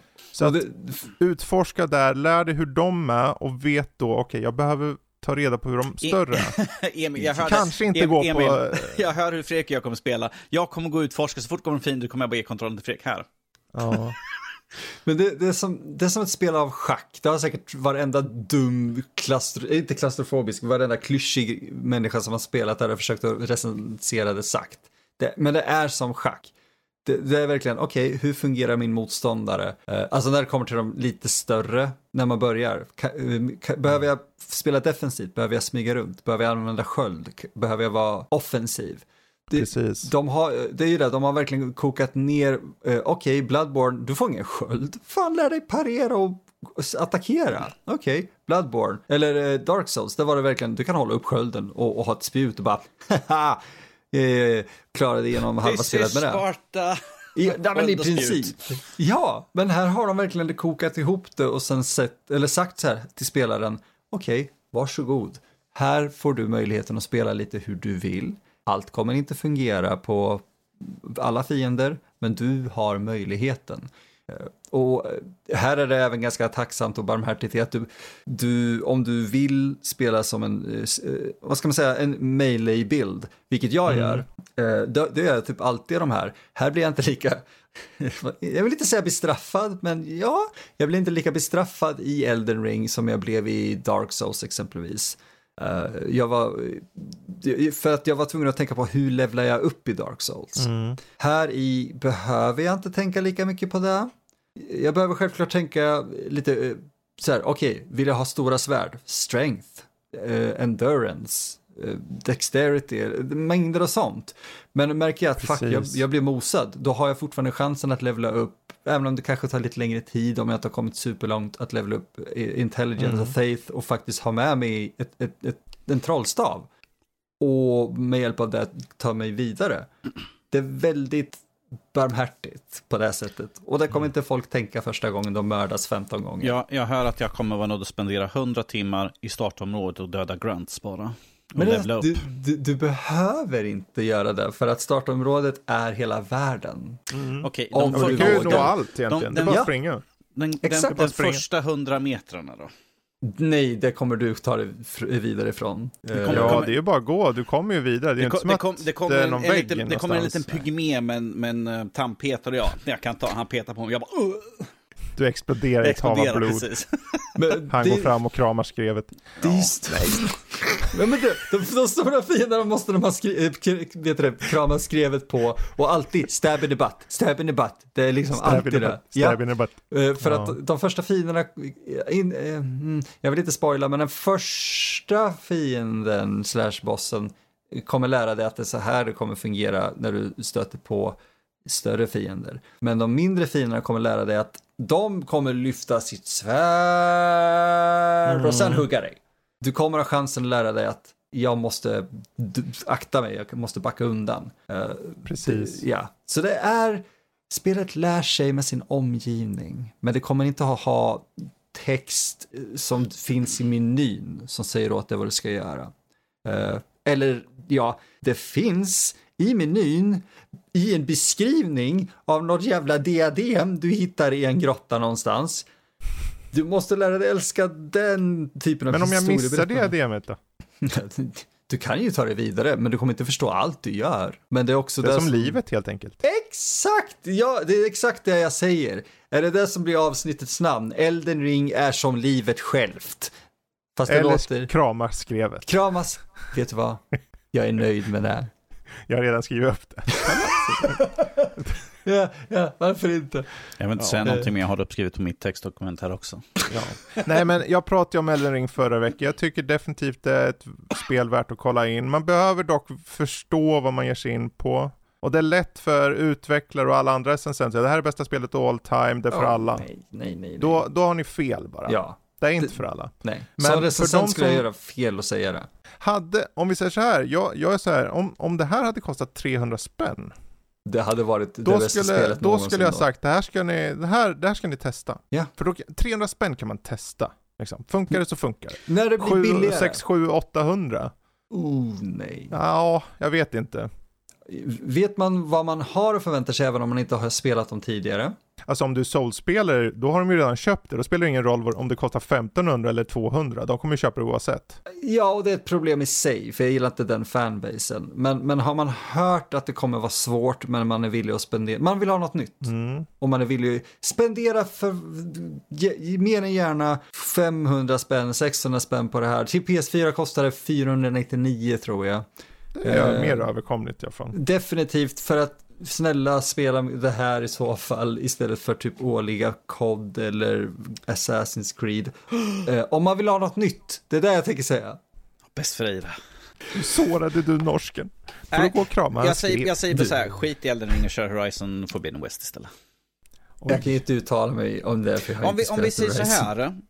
Både du och jag gav toppklass till spelen respektive. Men att toppklass här i Nördliv är ju inte en 10 av 10. Det är liksom, Exakt. att, det är Nej, att liksom precis. i sin genre, och, eh, bra köp är ju det är bra köp. Och sen har vi också att det, toppklass Ja. i sin genre men att det överskrider gränserna. Har vi också. Ja. Så att det är ju inte Ja. bara att det, det, vi är toppklass, att det är bara det bäst i sin genre, men att det ska överskrida, det ska vara så att mer än en, en genre ska överskrida lite grann det där. Ja, Det tar lite lätt förklarat.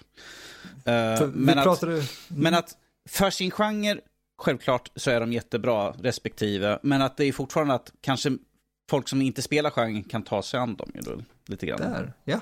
Det, Mm. Det, det, det är lite grann varför vi inte har ett, ett sifferbetyg, för att lite, vi tycker att det är svårt att sätta. Du har ett bra köp, Precis. är det ett bra är ju- spel, det är ett bra köp. Är det här Exakt, jättebra i sin klass? Toppklass. Precis. Och det är också därför liksom uppmuntrar till att läsa recensionerna. För det är ju i texten som det framgår förhoppningsvis då för- varför. För ifall du hoppar in på vilken Liksom. annan spelsida som helst kan du liksom, jag är inte intresserad av vad de har säga, jag vill bara se betyget upp och ner, ja men det var Ja. 8,5 eller något sånt där. Man bara, ah, ja okej. Sen är det ju, och sen finns det säkert de som går in liksom och bara, ja men jag vill kolla bara slutbetyg och sluttexten. det är där, du- jag du- tt att du folk vet- gör det. De det missar, är fine. de missar Alltså, om då- alla filmreferenser i Emils recensioner. Det har varit svårt för mig att jobba bort dem. Det var en svår tid. Nej men det är en väldigt bra recension. Jag tycker ni ska läsa den få mer kött på benen utöver den ni redan har fått här. Eh, Men jag tänker vi ska gå vidare nu innan Ja. vi gör ett fyra timmars avsnitt. Men superbra uh, att höra ändå om det. Från någon som har kört skiten ur det. eh, helt enkelt. Och det är nice. Ehm, bra, är det något, alla andra förslag här ni känner, den här skulle jag vilja höra mer om. Vi har ju Kirby and the Forgotten Lands demo, Gran Turismo 7, The Batman, West Side Story. Fredrik. Vi måste ju såklart höra om Kirby and the Forgotten Lands, för att det är inte lång tid kvar just nu. Ja, just det. Så därför, liksom- därför får vi en liten, eh, en liten tease här nu om eh, vad du Ja. tycker om demot i alla fall och vad det som har funnits i det. Ja, jag var ju lite så här orolig för när jag, tidigare när de utannonserade här så har jag sett det och tänkt det här ser ju för roligt ut. Yes. Du kan alltså med Kirby svälja en bil och bli en bil. Du kan svälja en jävla vending machine och bara skjuta ut burkar. jag tänkte, åh, jag tror jag måste, och det är bara några av sakerna helt och jag tänkte, äh, ska jag ta ner det här demot? Tänk om det blir liksom, du vet hur man säger, tänk om det blir färgad, tänk om det inte är så bra, tänk om, tänk hit, Mm. tänk fram och tillbaka. Men jag- ja, eh, jag tog ner i alla fall. Och det är magiskt i demot och till och med så pass att du kan köra om demot på olika nivåer och låsa upp nytt i demot. Som nya banor och nya eh, platser. Eh, och har du klarat demot så får, man en kod som man sen kan låsa upp nya saker i det fulla spelet längre fram. Mm. Ett tips för er som eh, kanske funderar på att ta ner demot men ni kanske inte har gjort det. Kör igenom, det är ganska kort. En, en timma ish. Det är ju en slags, en slags open world eh, spel här med Kirby som går runt liksom, eh, han transporteras till en ny värld kan man säga och det är liksom en slags en dystopi tänkte jag säga, men en eh, postapokalyps kan man säga. Det är liksom vår värld som har gått under och där springer han runt och sväljer, bi- runt och sväljer bilar liksom. Och får olika förmågor som man gör. Den här lekfullheten har inte jag sett riktigt tidigare. Eh, jag har å andra sidan aldrig riktigt kört Kirby-spel. Så det kanske har existerat i 40 år. Jag har ingen aning. Svälj allt. Svälj allt. Ja. Det är ju hans grej. Kan vi, få, han kan, kan, vi, kan vi klippa ut den där biten från Emil och använda precis när vi känner för det? Det kan vi, vi spelar in. Ja. Ehm, men just det här att han inhalerar eh, en, en nivå till av grejer. Ja, snällt. Och han springer runt. Det är ju inte en open world i det att du liksom tredje person så. Det är faktiskt det är fasta vinklar lite grann som följer dig bakifrån så här. Eller från sidan eller vad det må vara i vilken riktning du går. För det, och det är ganska lite linjärt på det här sättet där. Så det är inte helt open world alls så.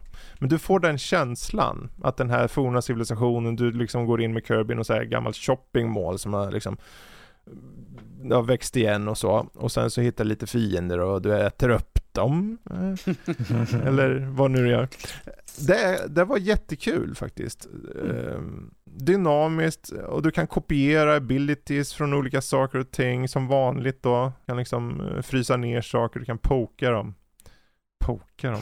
Du kan slasha och du kan ju såklart få svärd och allt möjligt och du kan få liksom så här eh, link utseende typ och grejer.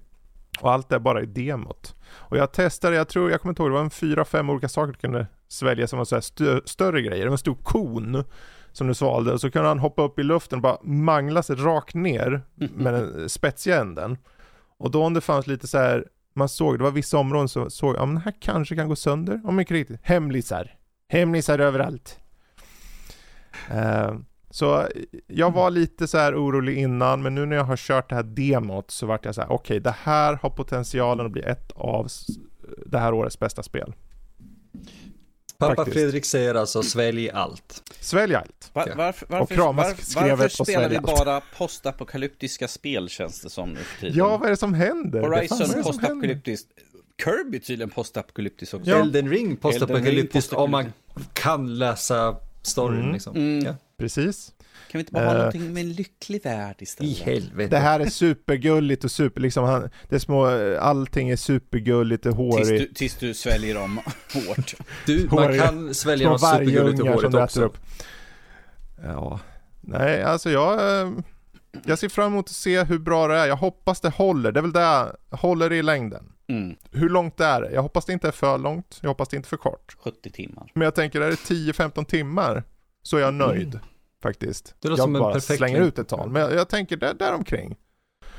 Det är nog Eh. perfekt för ett Kirby-spel. Jag tror det. Ja. Men den här variationen, det kan bli, du kan ju bli båtar och allt möjligt grejer och kan liksom längre fram har jag sett så här bilder på eh, mängder av grejer. På, på ett annat sätt, som ett, för du kunde ju förut så här käka upp gubbar eller någonting.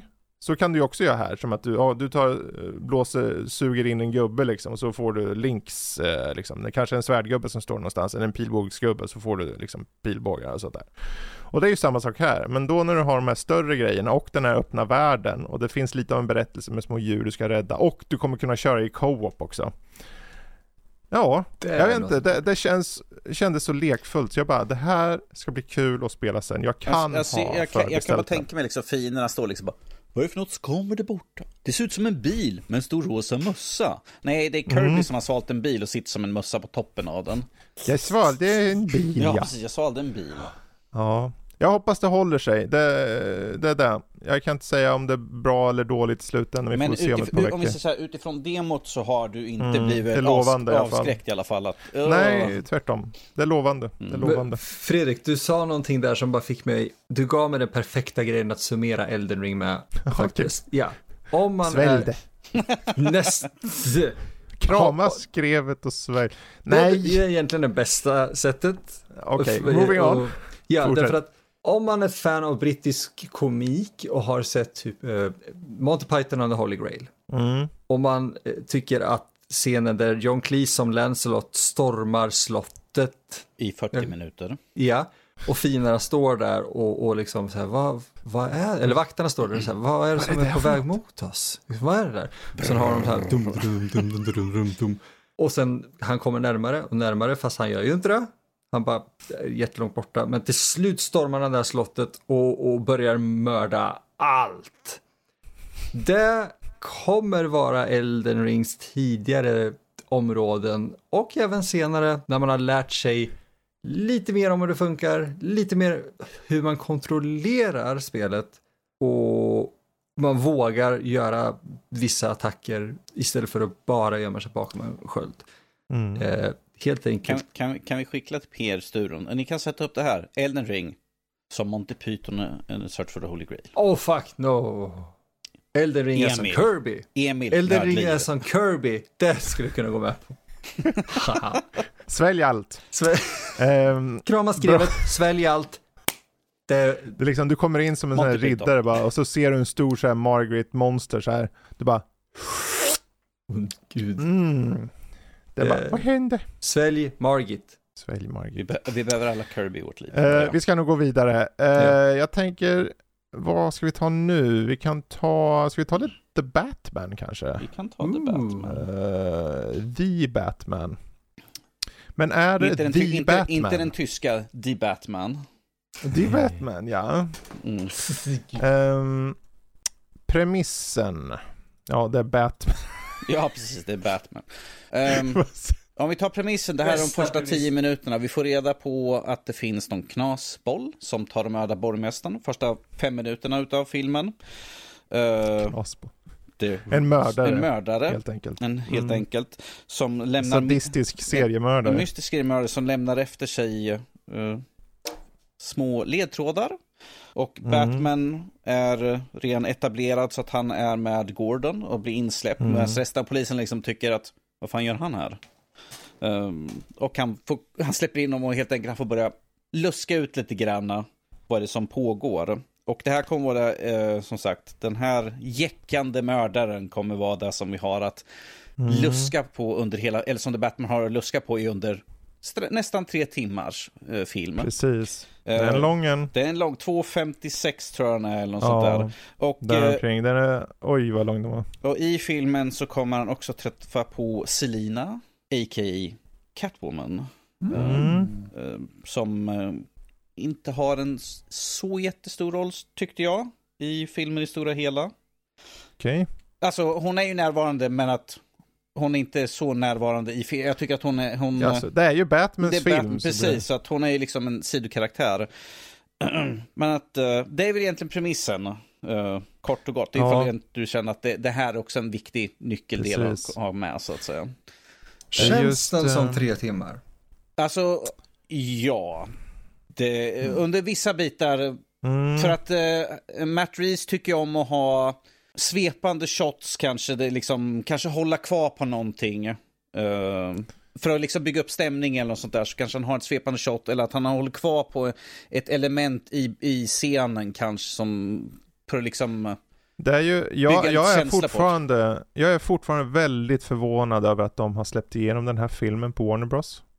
För det här Mm. är en av de mest artistiska filmer jag har sett göra som Batman och den är så jäkla trogen till hur Batman är. Det är en detektivhistoria, det är en seriemördarberättelse, typ alla säger Seven, men den här ådran av okej, vi behöver kolla på den här crime-scenen och sen kommer eh, Batman in, polisen är så här, men hur kommer det sig att han får med, vara här på den här eh, crime-scenen liksom? Och Gordon släpper in han, det är liksom, det är mothugg, det, det är allt är inte säkert, det är andra året som Batman det här, year two.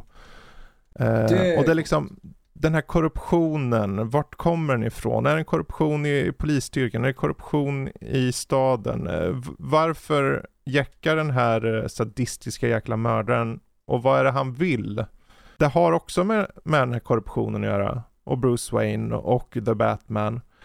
Men på vilket sätt? De sätter ledtrådar, de låter Batman vara inte, han är inte ofelbar. Heller. Han gör misstag.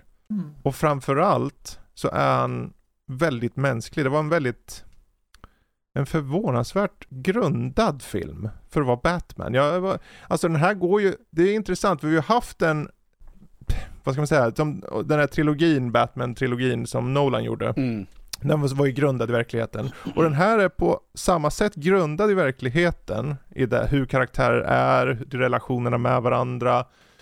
Eh, psykologin hos Batman som här, jag tänker inte säga så mycket, men jag tycker det finns en väldigt mycket bättre psykologi, en bättre Batman, fakt- bättre än Nolan-trilogin i det hur han porträtteras tycker jag. Han går i alla fall inte, eh, han Chris- går i inte och låter såhär, jag är Batman.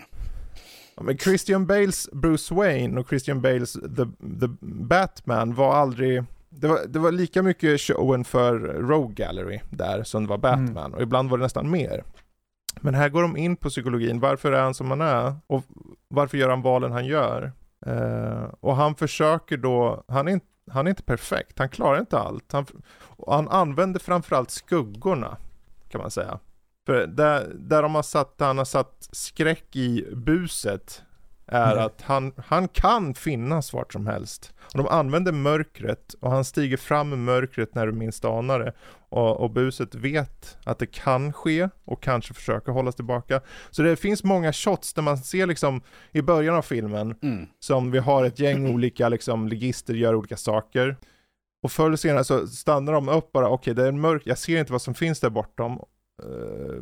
eh, I gränden eller vad det må vara. Och så ser man i himlen den här Batman eh, Loggan. eh, spotlighten. Och de vet, okej, och så ko- de vet att han finns potentiellt och de kollar ut i mörkret, ser inget och blir bara liksom backar. Bara där sätter de stämningen. Att han potentiellt kan finnas i, det där mörkret. Och när han då, när ett gäng då attackerar en ung man, och man hör, och här, det är nästan som en auran eller känslan av en skräckfilm. För du hör bara steg långsamt gåendes mot det här gänget när de försöker göra någonting mot den här killen. Så klopp, klopp, klopp. Och långsamt stiger han fram ur mörkret. Och så blir det bara en brutal fight när han slår ner dem. Mm. Mhm. Och där sätter de stämningen för filmen. Och jag, jag vet inte. Jag tycker den här, den har pacingproblem. Har den. Eh, och jag tror mycket har med tidslängden att göra. Det, det fanns säkert ställen där det kunde ha klippts ner, särskilt på de här vissa shotsen. Men som Matt Reeves har ju alltid, det gjorde han ju med de sista två eh, Apornas planet-filmerna också, att han lät karaktärerna hålla på scenerna ibland. Att han lät vara kvar på en karaktär så att du kan få, okej, det, finns, det finns någonting här hos den här karaktären som just nu, vi håller kvar på honom och få publiken förstå det. För jag menar, Batman, han är fundamentalt trasig kan man säga. Bruce Wayne är trasig. Oh, ja. Och här kommer det fram bättre. Och sen har vi ju Colin Farrell som pingvinen. Har, har, har, Emil, har du sett hur han ser ut i filmen? Jag har faktiskt inte gjort det.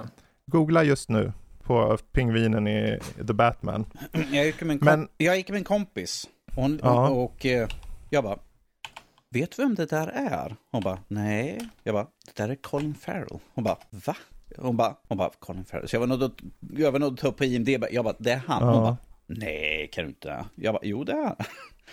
Vad bra han var. Jag tyckte han var jättebra. Det är, jag, som, det är precis som du sa, att den här är lite mer jordnära. För han är inte den här äck, äck, äck, äck, äck, och Nej, nej, nej, nej. Det, det, det, det finns bara en gång han typ rör sig som en pingvin, fast det är en scen långt senare in i filmen. Och det är av en När han är annan, bunden. När han är bunden, och det är bara för att han är Mm. uppbunden som han väcker mm. från sida till sida. Men utöver det, han är liksom, det är liksom, han är bara en maff- Han är en han, han är gangster bara en bara, en det, är, det, underhuggare. det är ingen sån här, det är inte som i Arkham-spelen, liksom att han har en glasbit in i huvudet, han, nej, monokel nej. eller något sånt där. Det är absolut ingenting. Han kallas för Precis. oss hela tiden. Ja. Um, så att de går ju lite grann ifrån uh, arketypen av vad de har varit i serietidningarna. Ja, men, ja, eller ja, det beror på vilken du Ja. läser. Okej, och de går Men, ifrån eh, de, här de här pingvin, att han mer- är mer ja, pingvinsaktig. de här mer karikatyriska versionerna. Precis.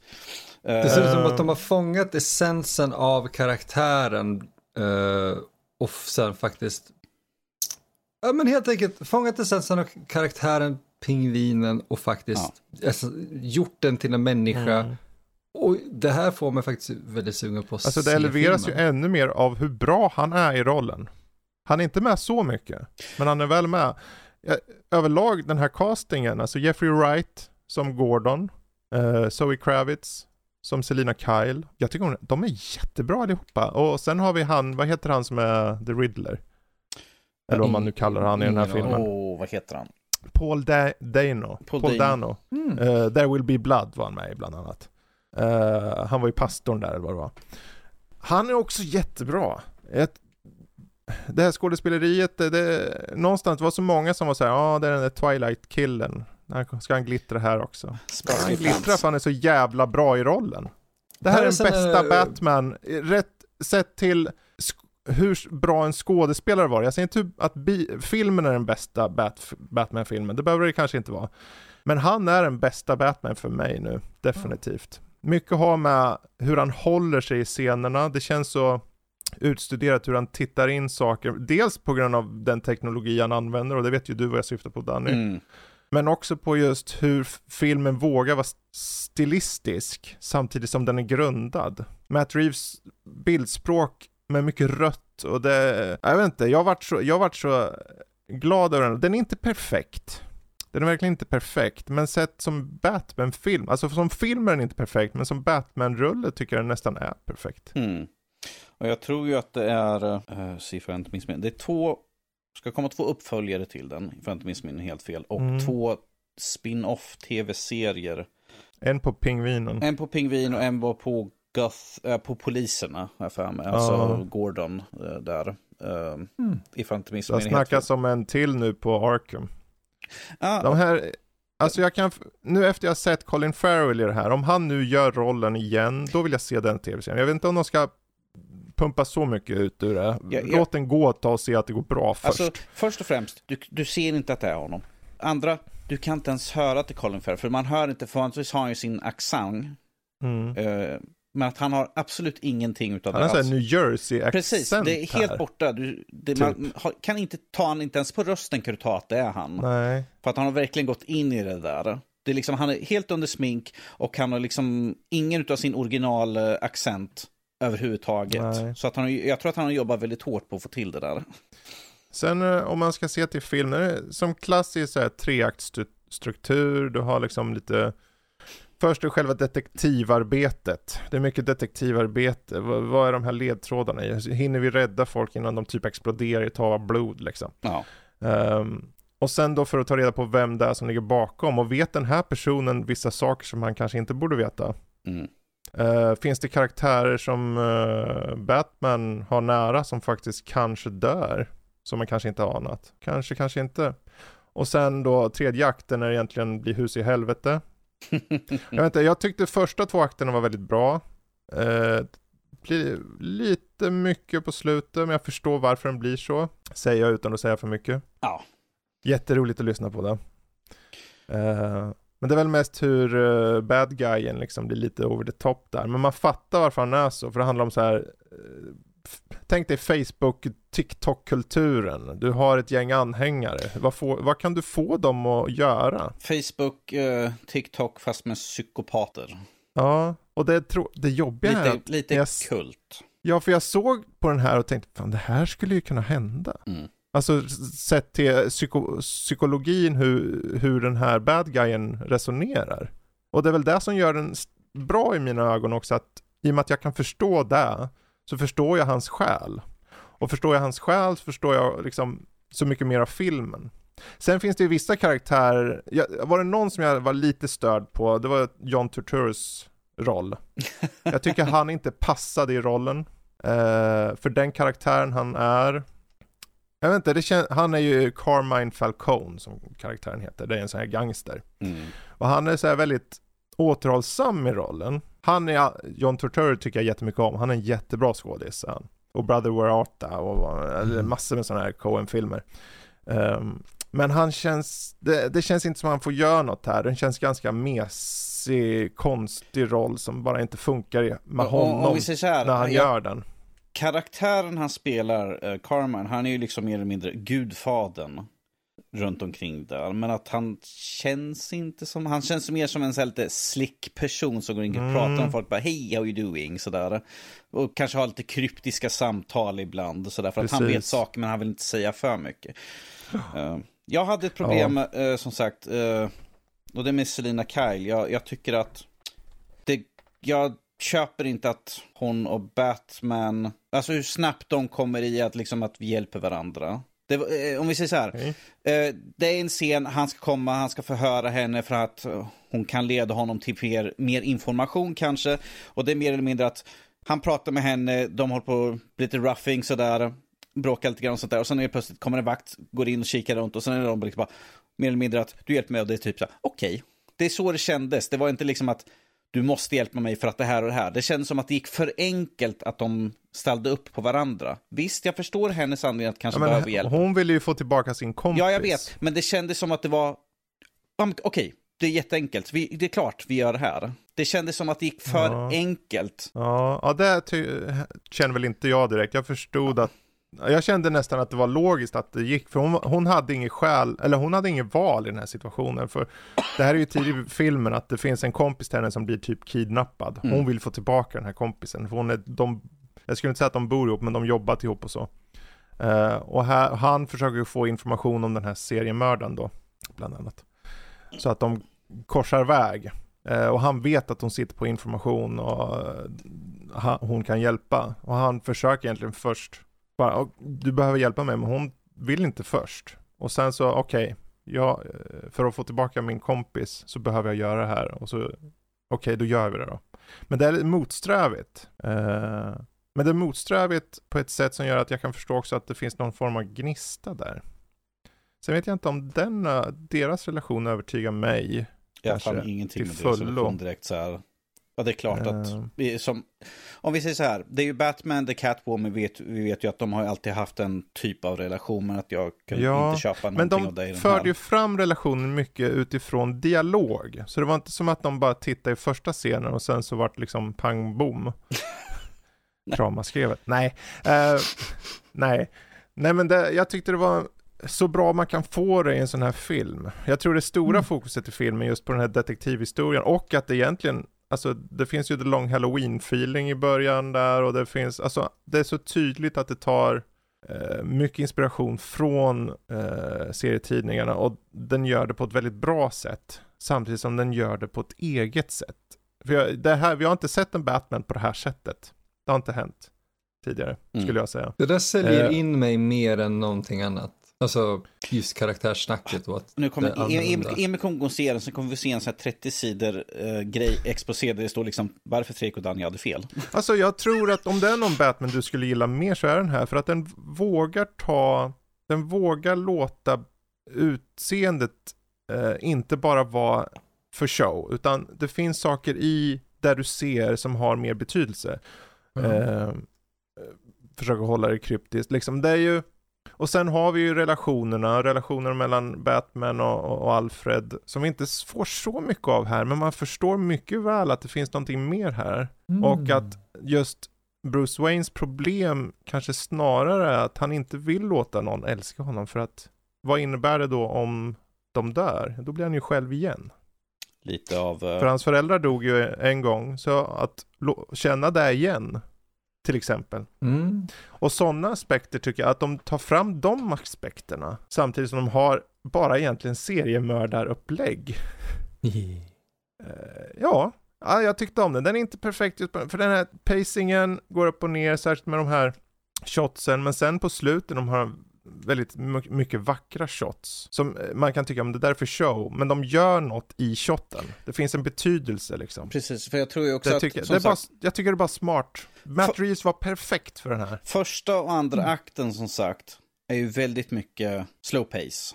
Det är liksom, vi bygger upp. Väldigt men, mycket slow pace. Väldigt slow pace. Men sen när vi kommer till tredje akten så, som du sa, att det blir eh, Hus i helvete. Hus i helvete, det blir full fart. Det blir nästan som att det skär sig lite granna. Att helt plötsligt gå från att vi har gått väldigt långsamt till att åh, nu händer allting sådär. Man bara wow, jag är Ja, inte riktigt beredd på fast- det där.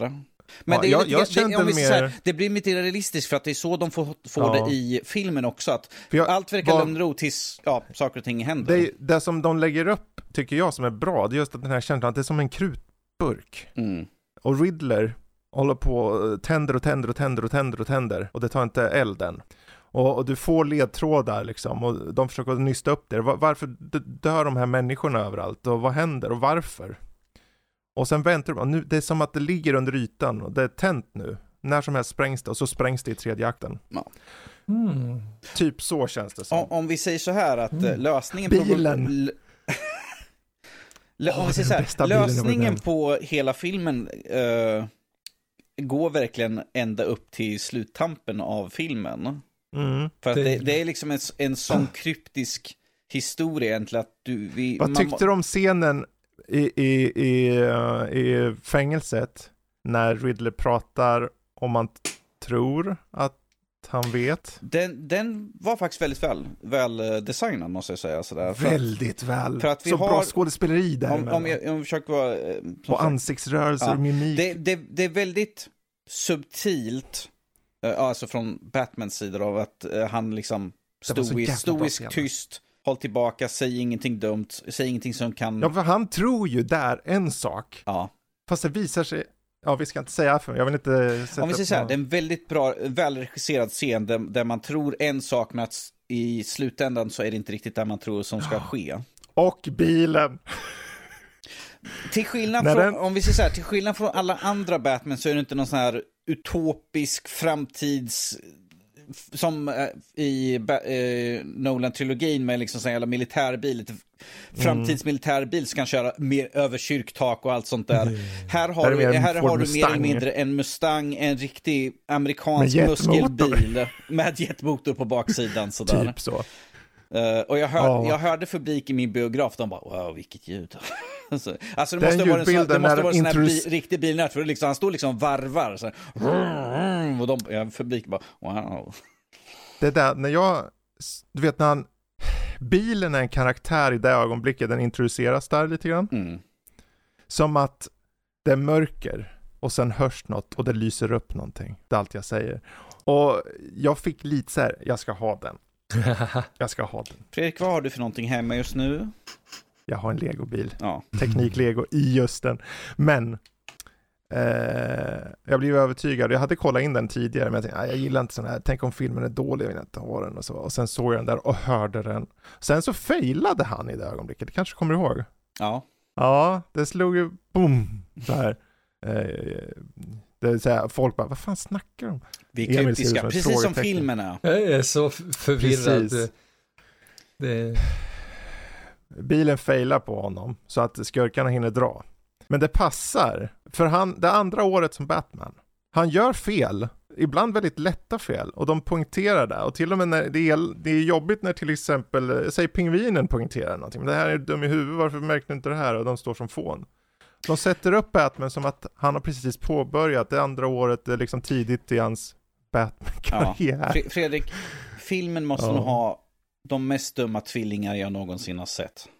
Ja, det finns ju ett par trillingar också som, nej förlåt. Du pratar om mig och mina bröder. Så- Kanske. Nej, men alltså, det, det finns ett återkommande tema med två tvillingar som är vakter Ja. och de, de gör samma misstag varenda gång känns det som. Du menar bara släppa in honom släppa in där liksom.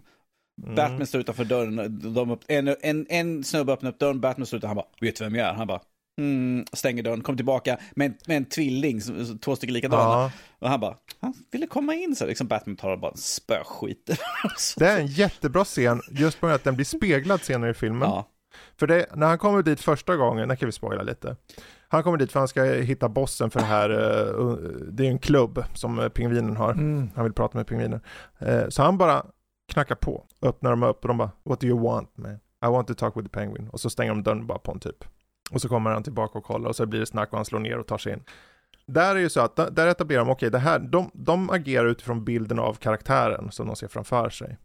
Så senare i filmen så kommer han tillbaka till samma ställe som Bruce Wayne och får en annan approach. Plus, för, förutom att han säger exakt, han bara, vet du inte vem jag är? Ja, han säger samma sak då. Ja, och, det där, och tvillingen säger han bara, vänta nu. Jag hämtar den andra tvillingen. Så Mm. liksom, Bruce Wayne och så Ja. kom in. Det och det liksom just det, att de använder sig av Bruce Wayne i situationer också Mm. tycker jag eh, höjde den. Det finns mycket tanke i filmen och det är också varför jag tror inte det kommer passa alla. Den, den, är, den är för slow paced för många tror jag. Jag tror inte folk kommer gilla det. Och det, det är fine, det kommer inte vara allas kopp av te. Och det är helt okej. The Dark Souls of Batman movies. Att Matt Reeves fick göra en studiofilm som den här, jag är lite förvånad. Men eh, jag, jag skulle säga att gå och se den. Vi ska inte hålla oss kvar för länge. Gå och se den. Eh, så får ni säga, är det er kopp av te så kul för er, då kommer ni tycka om den. Och är det inte så fine. Ni, ni kan se Transformers någon annan dag, om ni gillar sånt. Skit. Ehm, Du sabbar en av mina kommande veckans frågor. Ja, ja, jag får... men det är noir också, och det är subtilt. Gå och se den. Mm. Noir Batman. Uh, artistisk. Anywho, nu ska vi se, har vi något kvar här ens? Vi har The Cuphead Show och Gran Turismo 7. Uh, West Side Story. Ska vi... Vad vill, ni, vad vill ni höra om? Vi kan ju vara West Side Story, inte min kopp av te. Yeah. Där, nu har jag sagt det. Inte din kopp av te. No. Nej. Um, West Side Story. Jag tycker om hantverket. Men som musikal så måste musiken funka och den funkar inte. Och det kanske är någon form av, man kanske, va? Det är ju West Side Story, du måste älska den. Jag vet inte, jag har inte sett originalet, jag har bara sett den här. Den är så kitsch, den är så campy. Att jag, ah, det skär sig lite. Dansnumren var, tog mig ur det. I början i alla fall, jag blev van mot slutet. Men det är ju liksom, det är ju mer eller mindre en Romeo och Julia historia. De som inte vet. Uh, där du har två gäng, Jets och Sharks. Uh, och det är tonåringar som slåss på gatan liksom. Och det är olika etniska bakgrunder. Liksom. Förbjuden kärlek. Ja. Balkonger. Ja, Balkong. det är, det är faktiskt balkong där. Eller? Mm. Precis. Nej, jag skulle inte säga att det var min kopp av te helt igenom heller. Uh, och då gillar jag ändå musikaler. Ja, Men ju... den här var, jag vet inte, den var väldigt snygg, den var väldigt välgjord. Jag menar Spielberg vet vad han gör i alla fall, det kan man inte säga något om. Ja. Det fanns en del nummer, alltså tar du, tar du saker ur den, bara små, den här scenen och den här scenen, det fanns scener jag tyckte om. Men som i helhet skulle jag säga att den är så en typ 3 av 5 som bäst. Ja, det var lite svårt Uh, det finns ju scenen när, våra, när huvudrollsinnehavaren ska träffa sin bästa kompis och försöka stoppa honom. Och de har som en, en strid i dansnummer.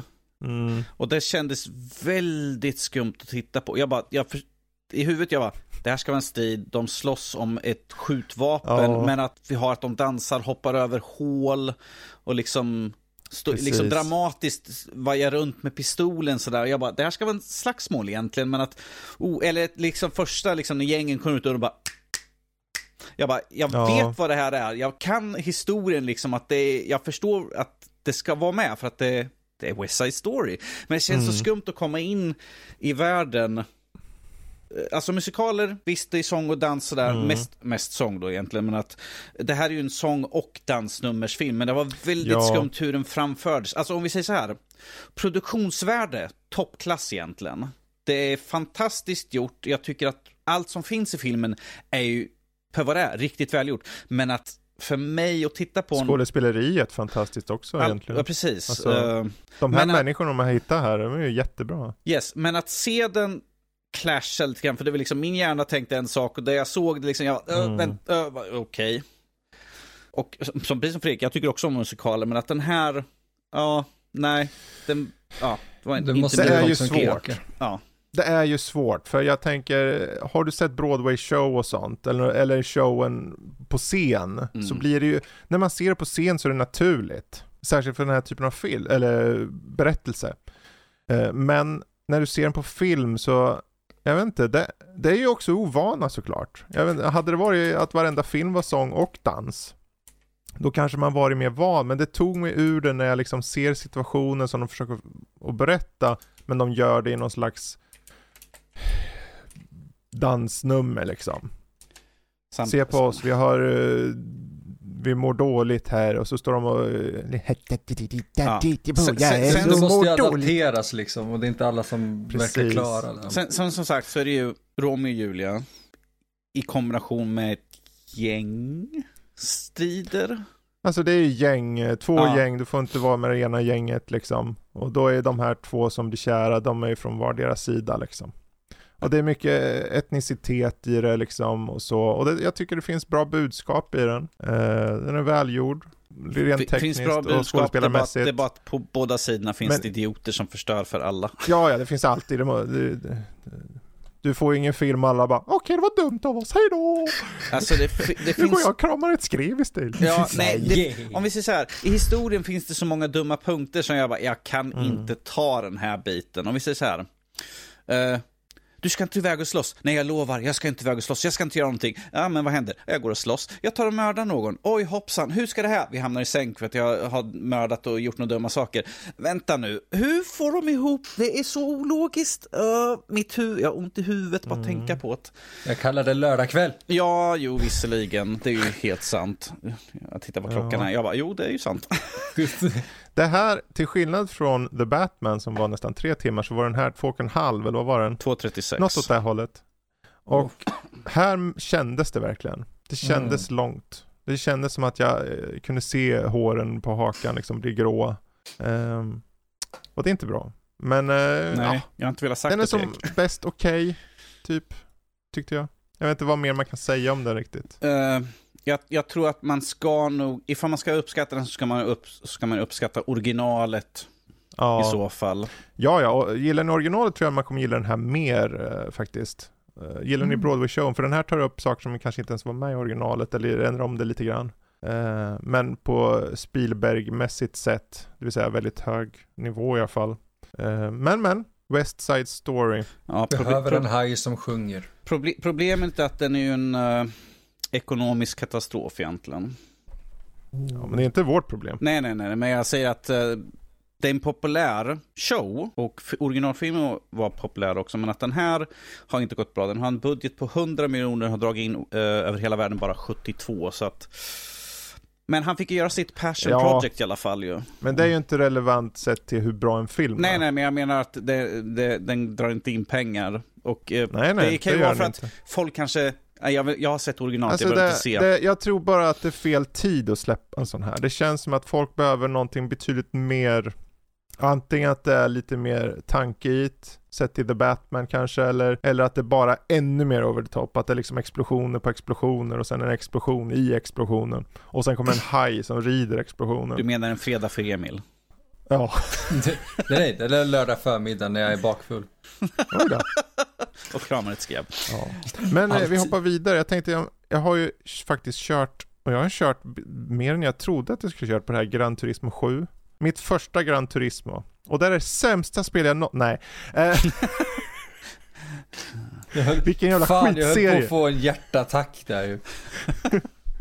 Nej, jag, jag var lite så rädd faktiskt först i det att, åh oh, gud, det här är ju så torrt. Mm. För de, det börjar med en så här introscen där du går igenom hela bilens evolution i så här, från liksom första bilen, så här, i bilder så här. Det här är bröderna Bäver som gjorde, alltså de här gamla bilderna från förr och så, så går det genom ett liksom århundrade i evolution, alltså liksom hur, hur bilarna blir bättre och bättre. Och du kunde inte skippa den. Jävla. Och det har så här, jag bara, det här är ett bilspel, men det har typ så här visual novel-element i sig.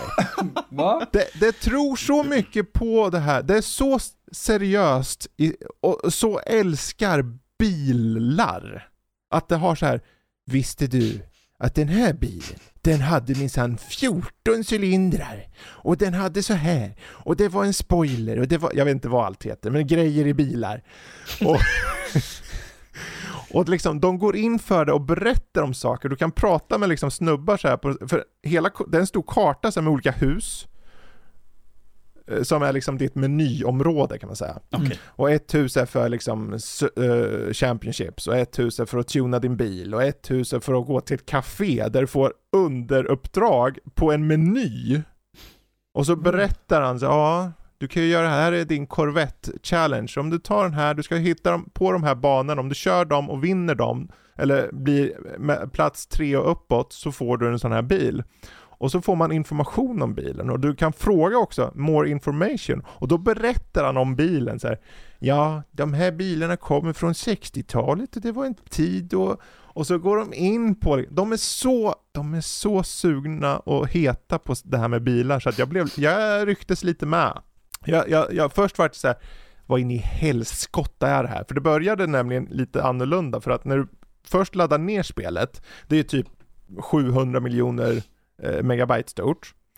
Så ja. det, när du har tagit ner typ en viss bit, då kan du börja spela redan då. Men då börjar du med ett arkadläge som är i takt med musik. Um, Typ du har en hel låt och det är så här, första låten var en sån här klassisk, eh, en klassisk låt. Eh, så här piano och sånt och så har han fört in lite beat i det. Och du kör bara, och du ska köra den här banan eh, så långt du kan under den här låten. Och ta alla hörn och allting så snabbt du kan. Så att ju, ju, ju längre du har hunnit komma när låten är slut, desto bättre är det. Så kan du få en trofé. Det är silver, det är ju såklart brons, silver och guld. Och det är i takt med musik då liksom. Inte som att du ska göra något så här, du måste trycka i någon ordning eller något, utan du ska bara köra så snabbt du kan och köra så bra som möjligt så att du når så långt som möjligt. Men att det är, när då den här, när du har klarat rundan så att du får någon medalj, då blir det automatiskt en replay. Och då är den automatiskt klippt i Takt med takt musik. med, med musiken. Börjar det låta mer som Car Hero istället för Guitar Hero? Ja, det är lite så här, det är lite bilporr över det här. Det är som att de här som har gjort det här spelet, de är lite för mycket inne i bilar. Bokstavligt Jag talat. tror de har, ja, krama skrevet. Nej, nej. Ja, men det, någonstans smittar av när jag, när jag körde, det finns en, det finns en eh, bilskola. Och då kan du få så här, du kör bara, det är en kort segment bara. Okej, ta det här hörnet. Du ska ta det här hörnet så snabbt på så kort tid som möjligt. Du, och för att göra det så behöver du leta hur du kör hörnet. Och då får du en demonstration om du vill. Då visar den en film i gameplay, alltså i realtid, som visar hur man tar hörnet. Och det kanske är 20 sekunder långt bara. Så du kan starta om det här lätt. Och på PS5 man startar upp på en, det startar upp på en sekund typ spelet. Oh. Det är liksom så snabbt, allting. Så det är inte så att du vet som i gamla, man säger ja nu ska vi ladda den här banan och så sitter man en minut. Allting bara snabbt, på en gång. Där de kunde ha all information, så liksom cylindrar var en viktig del av en bil. Så Ja, man kunde sitta och läsa liksom i typ, ja det här kommer ta en stund så det är lika bra jag Nu läser. slipper Så du det. Det är bara rakt in. Det är rakt in bara. Eh, nej men jag, eh, vad gäller bil, alltså bi- som bilspel, det är ju inte, de säger det real s- drive simulator någonting Mm. som slogan. Eh, det har ju simulatorkänsla, men det är mer arkadigt. Du kan ändra svårighetsgraden, men överlag så är det bara liksom, där de visar i demonstrationen, om du bara kör så som de berättar, men tänk på att ligga liksom, kör utsida, insida, utsida. Det vill säga du ligger längst ut till vänster innan en uh, hörna och sen kör, kör du så nära insidan av hörnan och sen kommer du ut på utsidan av uh, kurvan eller vad man kallar. Så optimerar du hur du tar den och får du in alla de här små tipsen de har, ja då gick, ju ty- då gick det väldigt bra och enkelt en bit i alla fall. Sen blev det svårare ju högre du kommer upp i klasserna och allt där. Men än så länge, jag, jag är jag är tämligen glad över spelet hittills. Jag tror jag kört typ halva spelet. Um, men uh, ja, jag, jag kommer väl komma tillbaka med mer information om det kanske nästa vecka. Vi får se om jag orkar prata om det mer.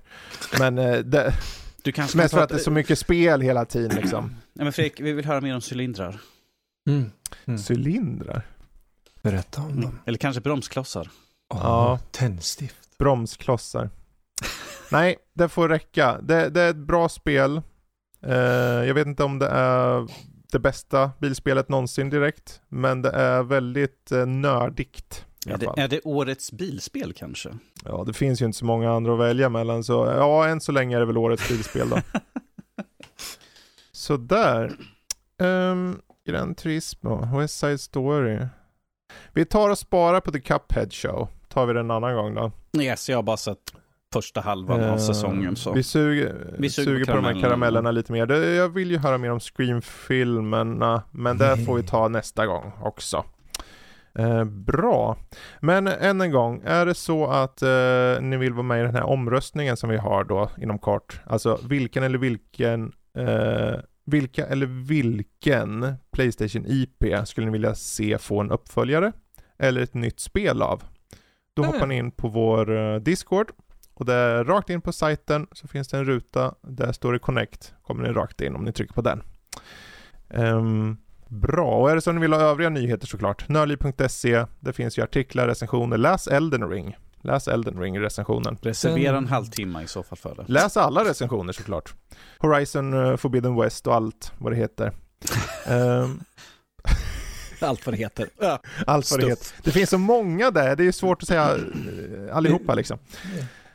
Det har varit en Ehm. väldigt bra recensionsvecka. Oh ja, verkligen, verkligen.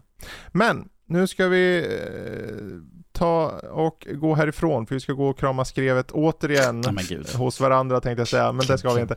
Eh, jag tackar för mig, jag tackar Emil, jag tackar Danny och sen tackar vi er som, som har lyssnat så hörs vi igen om en vecka. Yes. Så ha det bra allihopa. Hej då. Toodaloo.